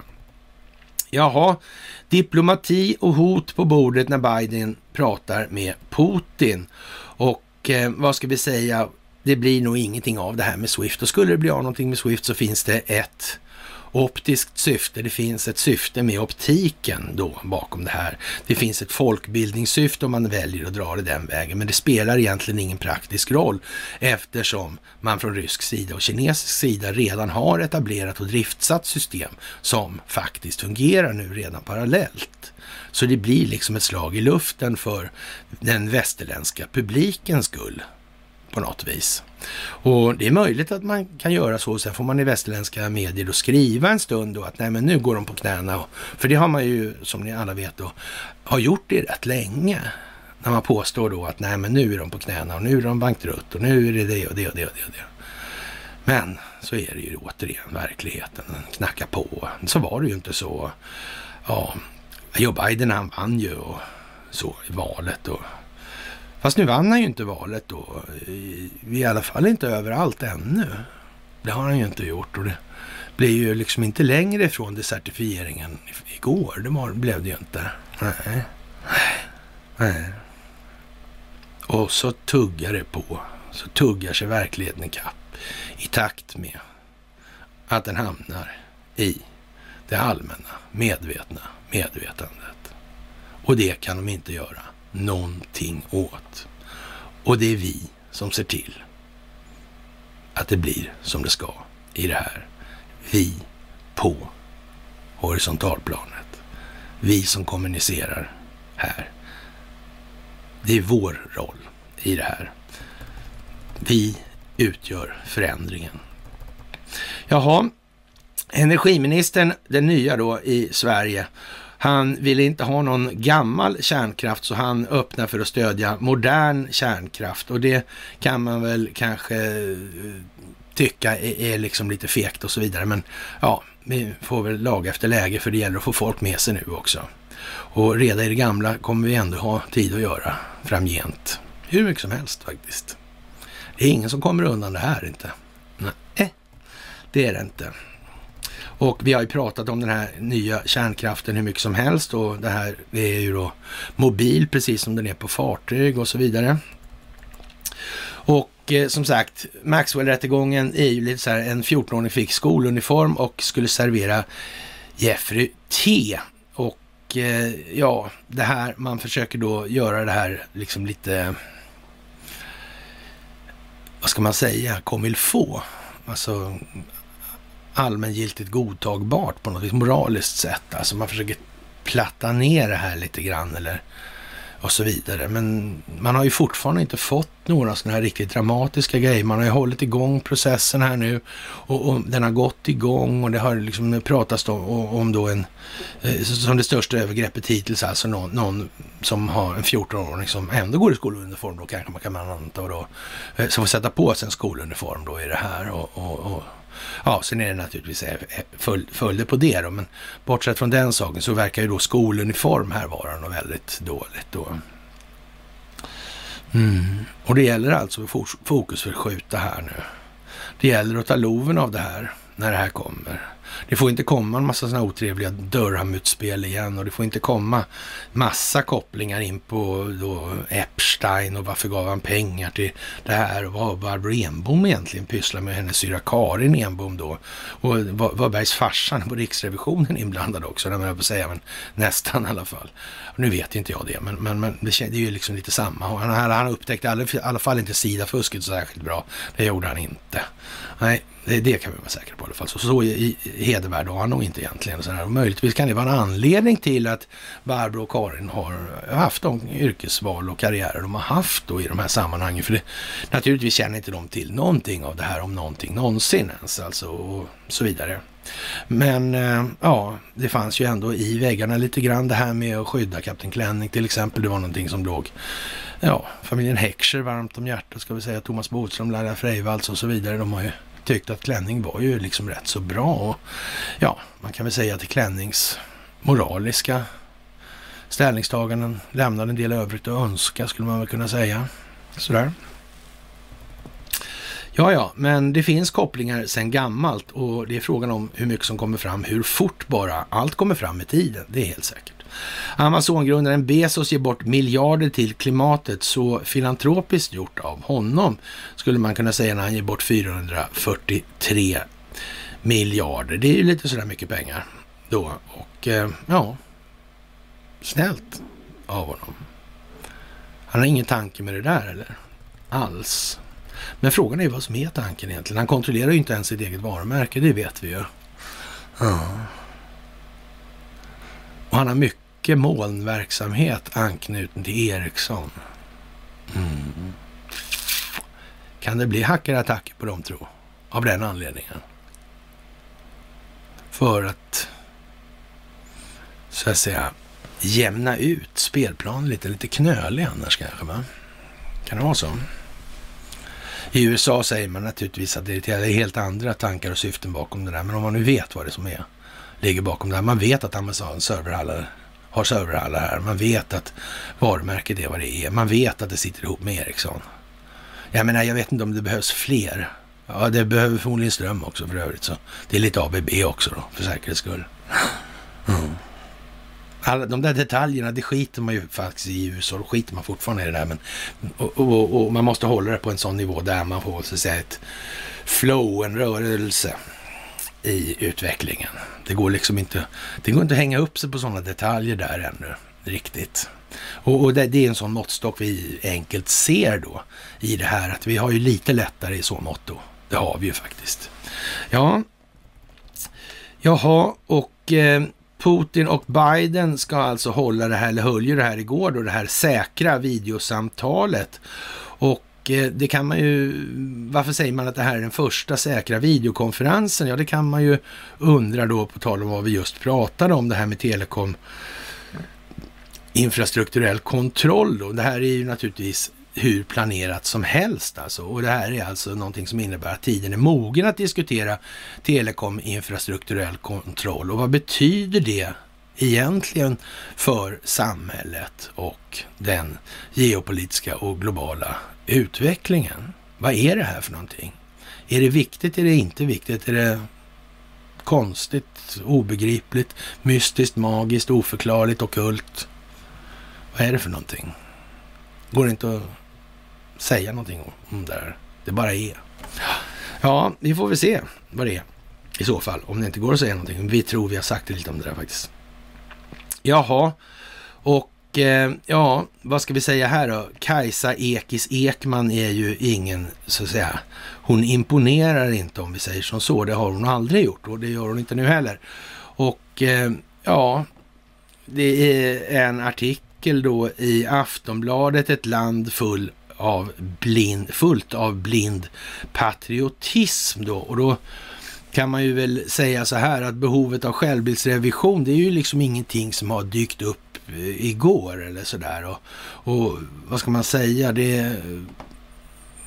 När man skriver sådana här grejer som i den här artikeln, då, då får man ju nästan intrycket att det är, det är ju någon jävla idiot som har skrivit det här eller något. Alltså det, det, det kan knappt vara här, någonting annat. Alltså det, det finns inget lagom eller mellanmjölk i den svenska strategin. Alltså, eh, den eh, var extrem internationellt sett när det gällde den här coronan då och hyllades av Trump-supportrar och så, och så vidare. Det här, ja, man, man, man kan väl säga så här att öppenhet för ett virus är helt enkelt inte samma sak som öppenhet för olikhet och komplexitet. Alltså det kan ju låta det här som att det är ju någonting som är lite bra det här, men det är ju inte det om man tar... Det här är någonting som blir en analys av någonting som är kontextuellt osammanhängande. Det går liksom inte att hänga upp riktigt på omgivningen. Och det här är liksom ett fulspel man ägnar sig åt när man gör sådana här grejer alltså. Och det handlar om någon Gustafsson som har skrivit någon jävla artikel då. då och ondgör sig då över vad Kadhammar och Gardell och gänget skriver så här och, och ja, vad ska man säga? Eh, Gustafsson belyser debatten på ett sätt som gör att jag ser saker jag inte lagt märke till. Journalister och myndighetspersoner och regeringsföreträdare manar till enighet på ett sätt som inte alls kan kallas demokratiskt. För även under en pandemi måste man väl få diskutera vilka som är de bästa åtgärderna, särskilt om alla andra länder gör tvärtom. Och det där kan ju faktiskt låta liksom, ja fine, så. Men vänta här nu här. Varför fungerar det där här och inte någon annanstans då? I så fall. Och vad är tanken bakom det här egentligen? Eh, glömmer man inte det? Eh, men hela den här, är pandemin riktig alltså? Det är någon form av verklig pryl det här också dessutom. Börjar man spjälka i det på det här viset och titta i det, då ser man ju liksom att det är en jävla fulkörning liksom. Och den typen av jävla bondfångeri, det får det vara slut med. Det har vi ingen användning för. Ekis Ekman liksom. Nej. Det är bara bort. Bort. Rakt av. Ja, man får väl nästan eh, tycka, ja, vad ska vi säga, själv anser jag att det var rätt att hålla skolor öppna för barnens rätt till utbildning. Och i början visste ingen att vaccinet skulle komma så fort, så snabbt. Nej, det var ju en kontring i de här sammanhangen. Dessutom för att inte det där teaterstycket skulle rasera världsekonomin som scapegoat alltså. Mm. Men det skiter hon i. Ja, det också alltså. Ja, men det är en annan debatt. Vad Gustafsson vill visa är inte vem hade rätt eller fel, utan hur Sverige egentligen ser ut. Blind patriotism, ett samhälle där auktoriteter alltid vet bäst. Där kritiker misstänkliggörs som opatriotiska och där Sverige alltid per definition är överlägset oavsett vad vi gör. Vi behöver fler av Gina Gustafssons kaliber. Och det är bara att säga det, så nej, vi betackar, och betraktar eller betackar oss för den typen av egennyttig självransakande kaliber. Jävla idiotkärring. Kort sagt alltså. Ja, det, det är så billig buskis så man tror inte det är möjligt alltså. Och ja, och hur mycket har hon orerat om den här om ekonomin och sånt här? Det är ju som ett jävla skämt alltså. Där kan man snacka om allt och glömma de avgörande procenten alltså. Det är bara så. Och det är möjligt att hon har otur alltså bara och liksom haft ett ruskigt missflyt hela vägen alltså. Men jag vet det fan alltså. Jaha, och som sagt, den nya civilministern med sina heilningar där, det verkar ju, ja, det är fel tid, fel plats och helt fel beteende som nu kommuniceras för opinionsbildningen, inte minst med avseende på nuvarande omvärldsutvecklingarna, Nerveprojektet, World Economic Forum, WHO, Investor och så vidare nu. Alltså det här börjar bli rätt så konvergent, skulle vi kunna säga då. Och då gör vi det. Jaha, och eh, Kina gömmer hemliga missilsystem i containrar för överraskningsattacker var som helst då. Okej. Okay. Och vän av ordning undrar ju då naturligtvis, eh, jaha, om man kan dra, de är ju farliga de där, har vi ju hört då. Det, det blir atomvinter, 300 000 miljoner år. Ja, eh, men då, om de kan smuggla sådana där, då kan de väl smuggla en hel del annat också antar jag. Eller? Det måste väl vara möjligt? Eller kanske det inte är, är det kanske rent av så att det, det är inte är någon större koll på det där överhuvudtaget. På tal om brinnande virkeshögar på fartyg utanför Göteborg då, till exempel. Sådär. Ja, men eh, jag vet inte. Det, det, det är ju liksom, men längst på bilden längst ner ser man på, där finns ett evergreen i alla fall sådär lite tjusigt. Och eh, det kan man väl säga är lite Heckscher-betingat rent utav mellan varven. Jaha, det är, ja vad ska man säga? Eh, ja, det, de här generalerna ljuger alltså i, angående den här 6 januari-händelsen vid Kapitolium då. Och de vill inte att det ska komma någon förstärkning och inte nog med det, all eländes eländes elände också. En av dem är Michael Flynns brorsa. Satan också, nu torskar de här. Alltså, det började, vi, vi visste ju det, så vi anade ju det att Donald Trump, han, han är i den djupa staten egentligen. Alltså, mm. För det kan inte vara så ju. Att de har spelat allt det här. Och att Michael Flynns brorsa spelar det här. Och att det är en stingoperation. Och inte bara en stingoperation, utan att det är jordens genom tiderna största stingoperation med världens jävla fetaste brottsprovokation, för det är tillåtet i USA. Och när det gäller att rädda konstitutionen så får man nog fan ha rätt vidlyftiga idéer också. Ja. Och det är säkert så att det kan vara så att någon kanske jurist har tittat på det alltså. Mm. Men så är det nog inte. Det är Donald Trump som jobbar för djupa staten. Så, ja, så är det ju. Och de här jävla plasthjärnorna som håller på på det här viset alltså. Nu taggar de ju ner lite grann för det går ju inte så bra för dem rent praktiskt på nätet. Så ja, vi får se. Vi står på med det vi gör i alla fall i den meningen. Och eh, ja, påminner om mörkaste kapitlet i vår historia kommer då i SVT. Och eh, ja, vad ska vi säga? Det är ju dags att köra lite åt andra hållet ibland då, för vi kan ju liksom inte bara ta loven av folk på det viset, utan ja, de måste ju få andas också på vägen neråt. Det är ju så, Tyvärr det är nödvändigt, men det måste vara så. Det går liksom inte att riva för mycket, då blir de helt rotlösa. De måste ha bearbetningstid och då får man gunga åt andra hållet lite grann ibland mellan varven också.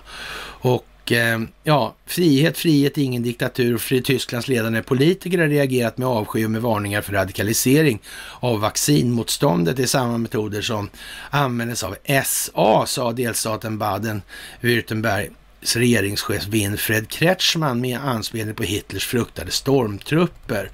Och eh, ja, vad ska vi säga? Det här är ju nu när de har fått en ny kansler då Scholz där så kan vi väl gissa på att eh, det här med valfusk, gå gissa och gissa, kan vi vara helt säkra på att det här med valfusk kommer aktualiseras över hela linjen och det kommer inte bli mycket bättre av att det var i Tyskland som en del av de här bearbetningarna gjorde av, gjordes av ja, under, valunderlaget i USA. Det kommer inte bli något skit bättre av här. Och ja, men det blir ju party. Som sagt, det blir en jul att minnas. Inte för alla kanske. Jo, det blir det ju naturligtvis också. Så det kommer, helt enkelt. Och eh, ja, vad ska vi säga egentligen om det där? Det är oroväckande är att i stora delar av det borgerliga samhället saknas ett klart avståndstagande från extremisterna och deras författningsfientliga agenda, sa på måndagen Dirk Martin Christian, chef för delstatens författningsskydd till tidningen Bildt. Ja, det kan man ju kanske tycka, men som man bäddar får man väl ligga ändå. Det får man väl säga. Mm. Alltså det tyska samhället har ju knappast hamnat i den situation där det har hamnat utan anledning. Från en, en tids till annan liksom. Bara så. Det får ju fan ge sig lite här. Ja, ja, men det där är ju någonting som ni också förstår bra i det här läget, eller vid det här laget. Och eh, Nasdaq öppnar dörrarna för kryptohandel och det kan man ju faktiskt notera i de här tiderna för att eh, ja, det är ju lite sådär speciellt och eh, man, man, får väl nästan säga så här när man i bildvalet då på den här eh, löp textlöpet och ovanpå då, så att säga, där det står kursförändringar och så vidare då, där man har då ett bolag som heter Pandora, då får man nästan tänka sig att det här kan bli lite yvigt framgent. För det är ju trots allt så att den enda tillgången eller så att säga, värde, värdeladdningen är i, i, i kryptovalutan eller blockchain-tekniken, det är ju det att det, eh, antalet är ju begränsat så att säga. Och det, frågan är om det ska räcka eh, att ett begränsning i utbudet är enda värdemåttet då. Ja, men det blir värre. Det finns värre exempel på det här. Liksom. Vi kommer till det idag också. Så det. Antti Jackelén slutar som ärkebiskop på tal om den kristna kyrkans varande. Och det kan man väl säga inte är särskilt oväntat. Hon kan inte på minsta sätt uttryckas ha varit opolitisk. Och vad, frågan är väl då, ska vi ha en politisk kyrka överhuvudtaget? Är det någonting som är lämpligt överhuvudtaget? Hur kan det vara det? De får väl tro på vilka tomtar och troll de vill. Varför ska vi ha en politiserad kyrka för? Vad är syftet? Varför? Ja, man kan ju säga så här, ett eller en anledning kan ju naturligtvis vara den att det är fortfarande rätt så stora samfund och kanske så stora samfund för, i samhället som man kanske inte ska släppa vind för våg om man vill ha makten. Men jag vet jag inte om det är ett acceptabelt skäl eller en godtagbar förklaring. Det är definitivt ingen ursäkt i vart fall. Så det bör vi inte ha. Det finns ingenting att diskutera om i den meningen. Bort med sånt. Och bort med subventioner. Ska vi ha kyrkan inom ramen för samhället så ska den vara opolitisk, punkt slut. Och människor som håller på med den typen av hantering yrkesmässigt ska naturligtvis ha en viss moralisk och själslig resning. Det tror väl fan det. Precis som poliser, precis som läkare, precis som militärer och så vidare. Annars har vi snart ingen långsiktig hållbar utvecklingsriktning i landet. Så enkelt är det. Jaha, Ontario siktar på att bli Kanadas första kommersiella nätsanslutna minireaktor. Det är också tidstypiskt i det här naturligtvis. Och eh, ja, Elon Musk han tycker att eh, det här med civilisationen kommer gå åt helvete på grund av att det föds för lite barn. Alltså folk vill bli äldre och folk vill inte dö och folk är framförallt rädda för att dö trots att det är det enda som är helt säkert att de kommer att göra faktiskt. Så de kan gå och oroa sig för att de ska vara dö hela livet och sen glömde de bort, dem och le, glömde de bort att leva livet. Och, och, det är ju lite grann av det här svenska alltså. Hopplöshetens religion liksom. Det är ingen idé att glädjas för det kan alltid komma något dåligt emellan va? sen. Mm. Och det gäller att tänka till lite här nu. Det gäller att släppa de känslogrunderna värderingarna. Blir man inte lycklig nu så blir man aldrig lycklig. Det är bara nu man kan bli lycklig. Man kan inte bli lycklig någon annan gång. Det är bara så. Och det är inte skitsvårt att förstå heller om man tänker efter. Det allra minsta. Ja, och eh, som sagt, Johan Pulitzer, han förklarar det här med eh, 50 000 röstsedlar identifierade i Maricopa County då. Och det här gäller valfusk och det här handlar alltså om att man som vi sa från allra första början, att den djupa staten har använt så många sätt som bara är möjligt att valfuska, valfuska på för att undvika revision då man begär att enskilda metoder ska beläggas som avgörande för hela valet. Alltså man har då fuskat, och, ja, fuskat 999 eller 9999 när det är 10 000 som är gränsen då. då.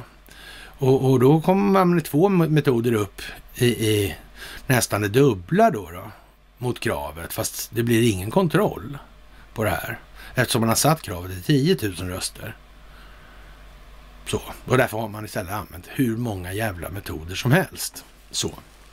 Och eftersom det då inte kan bevisas enligt det kravet så anser man då att det inte är giltigt. Men nej, det är naturligtvis inte på det viset det här är. För det finns dessutom de som är över 10 000. Så ja, det här är ju liksom en ren formalia fråga nu. Och det går inte att bromsa så värst mycket längre, noga räknat inget alls. Det här går igenom vilken sekund som helst nu.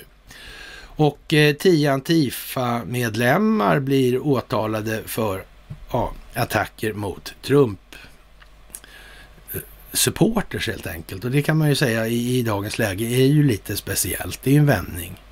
Och, och, det kan nog börja lukta skit hemma hos ja, Mattias Våg i en ökad omfattning just nu alltså. Det tror det vara så faktiskt. Jaha, och som sagt, den här civilministern Ida Karkiainen, kan hon sitta kvar eller inte? Ja, det enda vi säger egentligen är väl, är det här planerat eller inte? Eller är det här bara en slump? Det bara råkade bli så. Ja, vi får väl se då. då. Och eh, en man griper för inblandning i mordet på Khashoggi och vi vet ju som sagt inte, något lik har man ju inte hittat. Det är ju vanligt i de här sammanhangen då att man inte hittar några lik. Och det kan ju betyda både det ena och det andra i de här sammanhangen. Mm, det är bra att tänka på. Och var det någonting som, eh, ja, Gina Haspel kunde bra så var det att låsa in folk på okänd ort. Eller omvänt då, hålla folk på okänd ort utan att någon annan visste var de var. Kort sagt. Ja. Volvochefen vill se politisk samling kring elen och det kan man ju tycka är lite anmärkningsvärt att Volvo tycker något sånt. Han menar väl naturligtvis att eh, enskilda vinstmaximeringsintressen inte längre ska styra, eller hur fan menar han, karln? Ja, El och effektbristen oroar AB Volvos koncernchef Martin Lundstedt som nu vill att parterna samlas i frågan på ett liknande sätt som de samråder om försvarspolitiken. Men nu vet inte jag det här med varken försvarspolitiken eller då de här eh, ja, ska säga, energi företagsfrågorna, är, är det liksom inga privata intressen som styr det här alltså? Är det inte så att det är någon form av ekonomi i grunden på det här? I så fall så är det väl ändå bankernas pengar som styr en ekonomi som kontrollerar politiken i de här sammanhangen. Men det kanske inte han Martin Lundstedt fattar han kanske också lider av någon konstig mental åkomma. Det står ju faktiskt inte redovisat i tidningen om det är så. Så, så det kan ju absolut inte uteslutas. Alltså.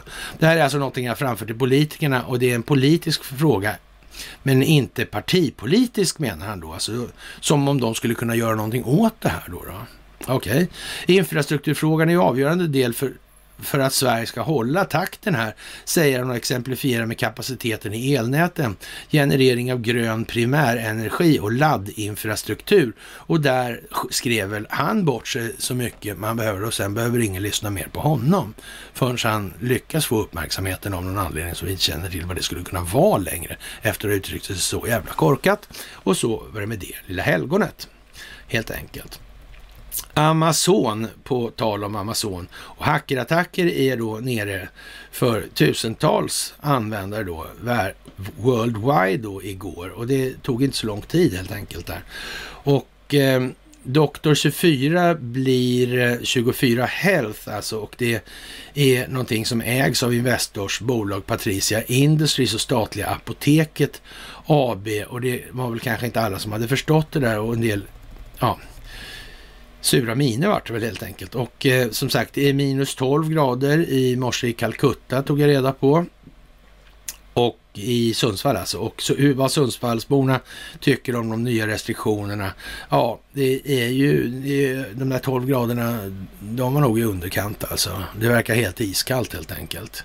Nu ser människor i Sundsvall till att sprida budskapet helt enkelt i sin omgivning för det är jävligt viktigt. Så där får det inte låta bara, det är helt efterblivet alltså. Och eh, ja, är ett annat Pearl Harbor möjligt då? Det här är Amerikas egna val då, skriver man i RT och man kan väl sammanfatta den artikeln med det här att ja, tänk att det fanns ett sådant behov av Pearl Harbor hos den djupa staten, det kunde väl ingen ha anat. Och med det sagt, det här var ju då när BB39 gick till botten då.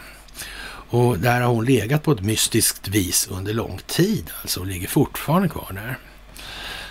Det här är lite roligt och eh, det kommer att ge sig. Helt säkert är det så. Ja, så. Jaha, Saab rasar, inte ner från skyn ännu. Det brukar det göra ändå annars, men efter uppgifter om att Finland nobbar JAS Gripen alltså. Jaha, Saab rasar ja. Och det är väl vad man kan kalla för utvecklingstypiskt i det här läget. I alla fall. Björn Rosengren, han tycker att Gardell, han får tycka vad han vill. ABB är inget konglomerat. Och eh, ja, jag vet inte vad man ska säga. Ja, frågan är vad som är dummast. Det är inget konglomerat alltså. Nej, nej men nej, för, för kartellbildningen är inte lagligt på det viset så, så vore det väl lite förmätet kanske att sätta sig själv och säga det då. Och tro att man ska slippa undan på det sen då. Kan det vara så? Och sen kan väl Gardell säga vad han vill. Och Gardell han kan ju faktiskt hålla käften för han gör det han blir åtsagd att göra. Så det, den teatern behöver de inte hålla oss med. Han hade liksom inte kommit dit han är utan att ha rätt stöd i ryggen. Och, och komma här och göra gällande någonting annat är ju bara löjeväckande. Då får man vara sällsynt dum i huvudet om man tror det. Faktiskt. Jaha. Roger Stone, han släpper släpper bevis för att JFK mördades av djupa staten i Newspunch. Och eh, det var väl tur att det börjar röra på sig nu och det kommer naturligtvis att, och det gör ju det direkt också, det landar in i CIA och det landar in på Nixon och det landar in i skapandet av DA, det landar in i Watergate och så vidare. Och Nixon hade naturligtvis en aning om vad det här var för någonting och han var på väg att kliva i getingboet helt enkelt. Och sen kom det Watergate och så vidare. Och det var, kom DEA och så vidare och så vidare och så vidare i de här grejerna. Det är en stor soppa. Det är mycket folk. Eller rättare sagt, det är inte så mycket folk, men det är samma folk i alla fall. Och eh, när Morgan Johansson vill eh, utreda och kartlägga korruptionsbrotten så börjar vi undra vad fan har hänt?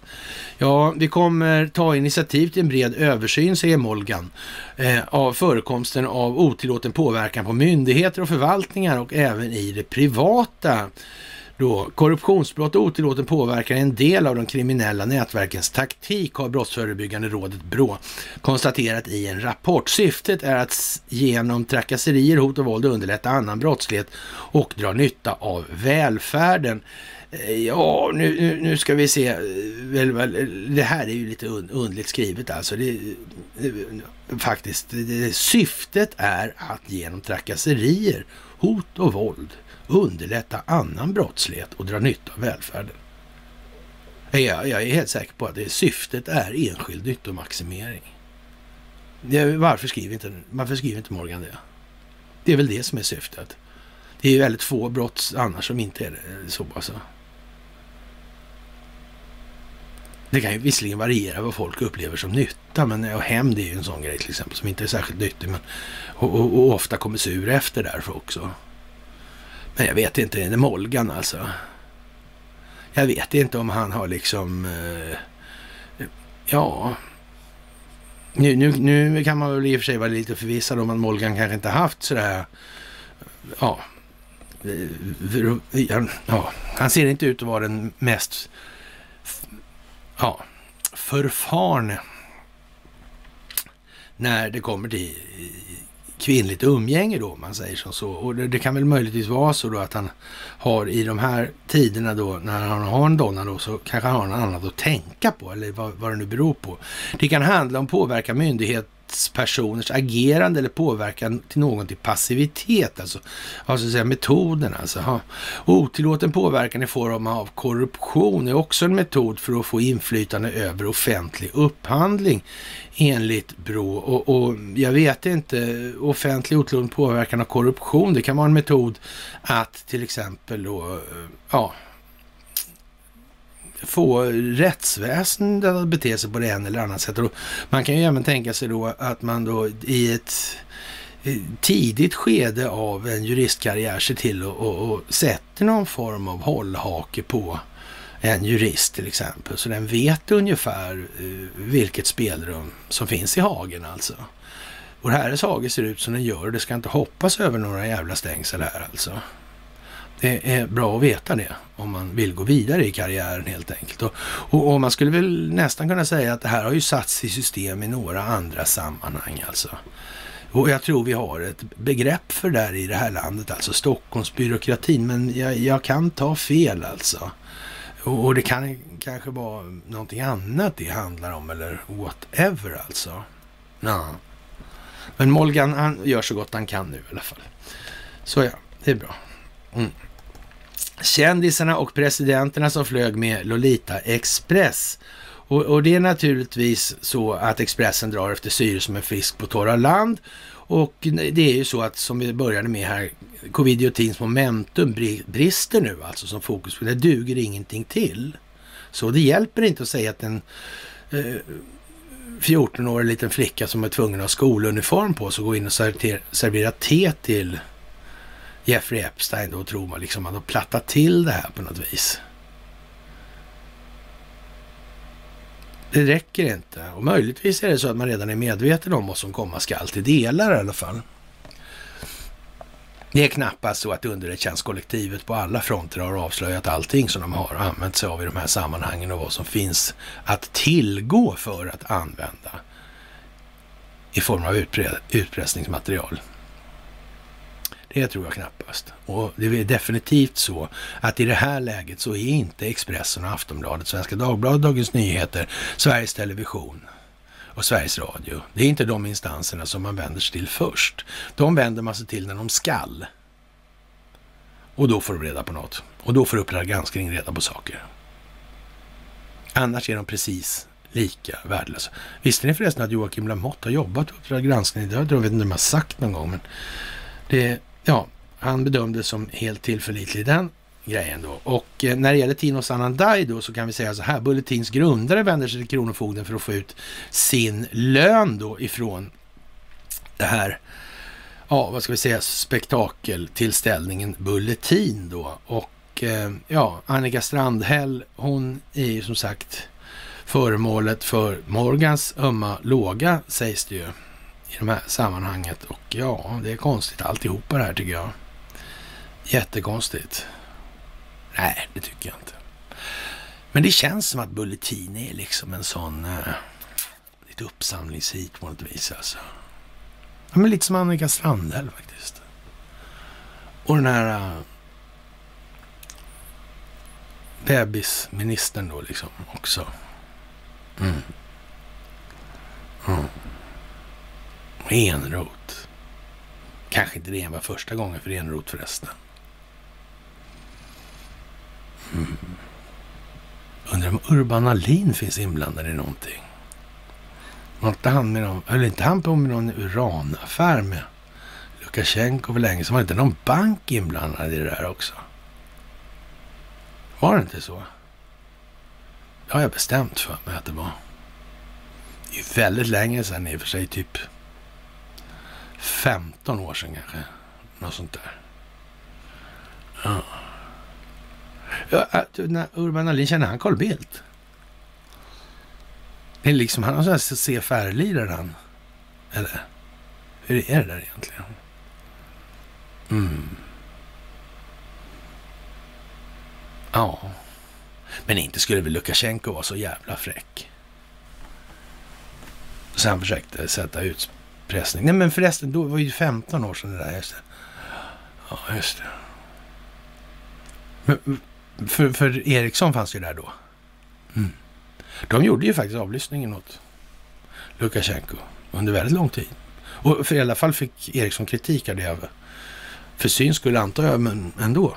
Och Amnesty International så där, behöver ju liksom inte vara falskt för det. Mm. Hur kan det här vara egentligen i botten? nu blev några nervösa. Ja, så kan det vara. Som sagt, snabba klipp eller förlora allt. Certifikatet rusade 1300 procent på elpriset. Och eh, ja, det här är ju väldigt fint alltså. Hur kan det ens finnas finansiella instrument på energimarknader utan att vara en ren pålaga för konsumenterna? Vad är det där för någonting egentligen? Man handlar med prisförändringarna på elen när man själv styr utbudet och efterfrågan är i det närmaste helt förutsägbar. Det där låter väl lite som det vore läge för lite manipulation va? Och så har man elbörs för det också. Och ni har ju som sagt hört mig. Nu har jag dragit det här en gång idag halvvägs, men ja, vi kan ju ta lite om den då. Jag tror att eh, den här frågan om hur man rör de här elpriserna egentligen, hur de skjuts hit och dit. Det kanske är helt konstgjort. Ja, jag tror inte produktionskostnaden per kilowattimme är sådär jättestor skillnad på. Men det är klart att det finns ju verkningsgraden där på generatorerna. Det kan det ju vara liksom. Men frågan är hur stor den skillnaden är. Alltså. Det är ju inte jättedeltat, det kan vi säga. Alltså. Skillnaden alltså. Det är det ju inte. Kan någon ha tänkt på det här? Det är väl inte så att någon jävel sitter och manipulerar det där med flit va? för att tjäna pengar på det? Det är väl inte så jävla skitigt som eh, ja, AP Fastigheter och Fortum höll på i Stockholm city med krogarna. Lät stora krogen på botten på fastigheten ta smällen eller ta betalningen. Men han satte in en mätare högre upp i fastigheten. Där tog de betalt också. Jävlar vad tjurigt det blev när det framkom. Det blev inte så bra. Och så hade de hållit på i 50 år kanske. Längre till och med. Jaha. De hade rent av satt i system i hela stan. Vad fiffigt. Men det skulle ju aldrig någon komma på att göra. Det bara blev så. Ja, ja, ja, ja. Men de betalade snabbt. Det gjorde de ju. Ja, vad ska vi säga? Det här är ju liksom en... Eh, ja, det är inte en hästmarknad och inte en svinmarknad och jag vet inte. Det är, ja, och det här används ju då naturligtvis någon form av jävla bankprosa eller finansprosa för att göra det här oförklarligt då. Fast alla egentligen förstår att det här är ju ingenting som styrs av någon form av utbud och efterfrågan i den meningen. Hur fan skulle det gå till liksom? Det som produceras produceras ju. Och det blir ju liksom inte dyrare på det sättet. Det här är ju uppenbart inte till för samhällets bästa eller medborgarnas bästa eller individernas bästa eller någontings bästa, utom för de enskilda vinstmaximeringsintressen som faktiskt så att säga, kontrollerar och styr hela det här systemet med energipriserna. Och hur fan kan det komma sig? Och sen sitter den här jävla fåntratten från Volvo då och, och, och gafflar som han gör. Men man tror ju att det är ett skämt liksom. Det är ett skämt. Och sen ovanpå det kommer det här fina med vad pengar är. Och nu är ju så att säga varje krona i existens har ju dragit med sig en finansiell kostnad. Som är, om vi säger som så här, i vart fall inte obetydlig, eller vad vi kan säga så här, som till uteslutande del är finansiell belastning. Så kan vi väl hålla det i alla fall, så har vi inte varit elaka nu igen. Jaha, men eh, ja, ett nytt kapitel för Tyskland. Nu blir Scholz kansler då. Och eh, ja, nu kommer väldigt mycket handla om valfusk med andra ord och idag blir socialdemokratiske Olaf Scholz då officiellt förbundskansler i Tyskland. Och eh, det här blir naturligtvis inga stora grejer då, av förklarliga skäl kan man väl säga. Så New York Times förklarar att den som förväntar sig pompa och ståt, alltså New York Times, det är som Washington Post och så vidare. Och, och så vidare här, men det, det, kan ni ju nu, alltså CNN och så. De förklarar att den som väntar pompa och ståt när han svärs in kommer att bli besviken. Morgonens omröstning följs av att Schultz skjutsas till presidentens residens och där överräcks nomineringsdokumenten i en läderpärm. Det är det ögonblicket som Schultz tar över posten som Merkel har suttit på i 16 år. Men maktskiftet är inte helt klart förrän Scholz är tillbaka i parlamentet och svärs in av förbundsdagspresidenten Bärbel Bas. Merkel kommer att benåda, eller beskåda det, för det från besöksbalkongen då inte längre har en plats i parlamentet. Och som sagt, frågan är hur lång tid det kommer innan det börjar snackas om valfusk. Och vi får väl i någon mån tänka oss att det här är någonting som koordineras. Det är ju redan valfusk anmält på den här jävla löken. Och eh, i en omfattning och det kommer naturligtvis komma bra många fler. Och frågan är när det här blommar ut då. Och, och vi, vi, har väl anledning att misstänka, tycker vi i alla fall, att det ligger i farans riktning då. Att eh, det här kommer nu någonstans med då, ja, 80-årsdagen då, det vill säga igår då. Och, och det här med det som han, Johan Pulitzer gick igenom, de här metoderna till exempel när det gäller fusket. Det kommer liksom på ett bräde här nu. Och det kommer gå ihop och då börjar då naturligtvis den här jävla svabben och gapa om att nu är det då Antarktis som gäller som fokus. Ja, man får fan vara rätt hyfsat blind om man inte får ihop det här nu, tycker vi. Men, men, vi står på ändå. Danska Färöarna tycker det här med att vara eh, radar eh, värd då för den här NATO-radarn, det, det, är lite sådär alltså. Det kan göra att man blir ett bombmål alltså. Men frågan är väl egentligen vad, vad, det här med Färöarna och Grönland och så vidare. Grönland har mycket barnhem och sådär. Det tycker ju folk på Åland är trevligt att ha och åka till och titta då naturligtvis och så vidare. Sådana här grejer. Mm.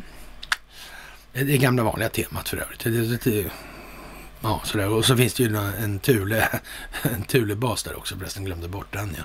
Jaha, ja. eller gjorde jag inte faktiskt. Nej, jag hade tänkt det innan också faktiskt. Oh. Ja, men det där är lite speciellt alltså. Vad ska de här, ska, varför skulle inte de vara självbestämmande för? Av vilken anledning ska de ens tillhöra? För, av vilken jävla anledning då? Jag kan inte föreställa mig vad det skulle kunna vara för någonting. Helt enkelt inte. Nej.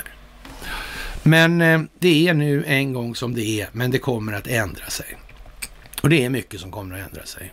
Och eh, ja, ni ska ha det största av tack. Och eh, ni märker själva, det här är händelserikt värre. Och eh, worst case så kör vi väl imorgon då, då men eh, vi får se om vi inte klarar att hålla upp det till på fredag. Och eh, sen är det dags att börja fundera på riktningen på rullningen helt enkelt längs vägen.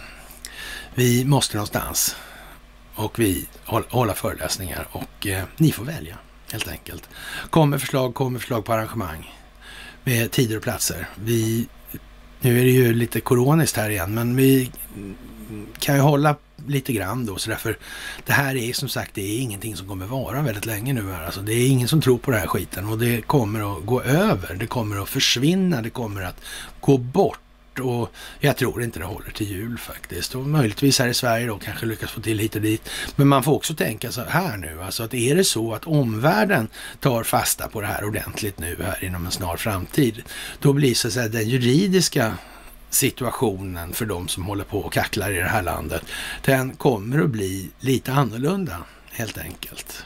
Och det kommer i samband med att förtroendet för det här rättssystemet ändå faller långt ner dit söderut, där det luktar svavel och, och så att säga det är väldigt varmt, då kommer eh, det bli lite mera ja, kännbart att hålla på och fortsätta med det här. Det kommer inte att hålla helt enkelt. Så det är väl nu snart det verkliga upplysningsarbetet börjar så att säga. Några måste fylla tomrummet och det är vi som ska göra det tillsammans. Det är vi som ska göra det här. Någon annan kommer inte att göra det. De som försöker vakta sina arslen i förhållande till det här döende systemet. De här sönderfallande centralbankerna. De här korrumperade privata bankerna. De här moraliskt havererade juristerna, journalisterna, läkarna, politikerna och så vidare. Det är vad det är, kort sagt. De kommer inte hjälpa till. De har ingen möjlighet. De har pantat in sig för hårt. Och alla kommer hela tiden att ställa frågan, vad fan har du inte sagt någonting för? Vad fan har du gjort för att göra någonting bättre? Och göra så att vi undviker att hamna i den här situationen som vi hamnar i. Vad fan har du gjort för någonting? Du har ju suttit mitt i den här skiten. Det är ju liksom så. De kommer få känna på folkets förakt eller befolkningens förakt eller människors förakt och individers förakt. Det är bara så. Och det går inte att göra så mycket åt. Det är ju ett moraliskt armod av sällan skådad natur i det här just nu. Ni dock, ni är fantastiska. Det krävs lite att ställa sig upp i det här och det gör ni med den äran. Jag är glad för att jag får göra det här tillsammans med er. Och med det, kära vänner, så vill jag säga att ni ska ha en trevlig piglördagkväll helt enkelt. Ja, och sen så hörs vi då senast på fredag. Trevlig kväll.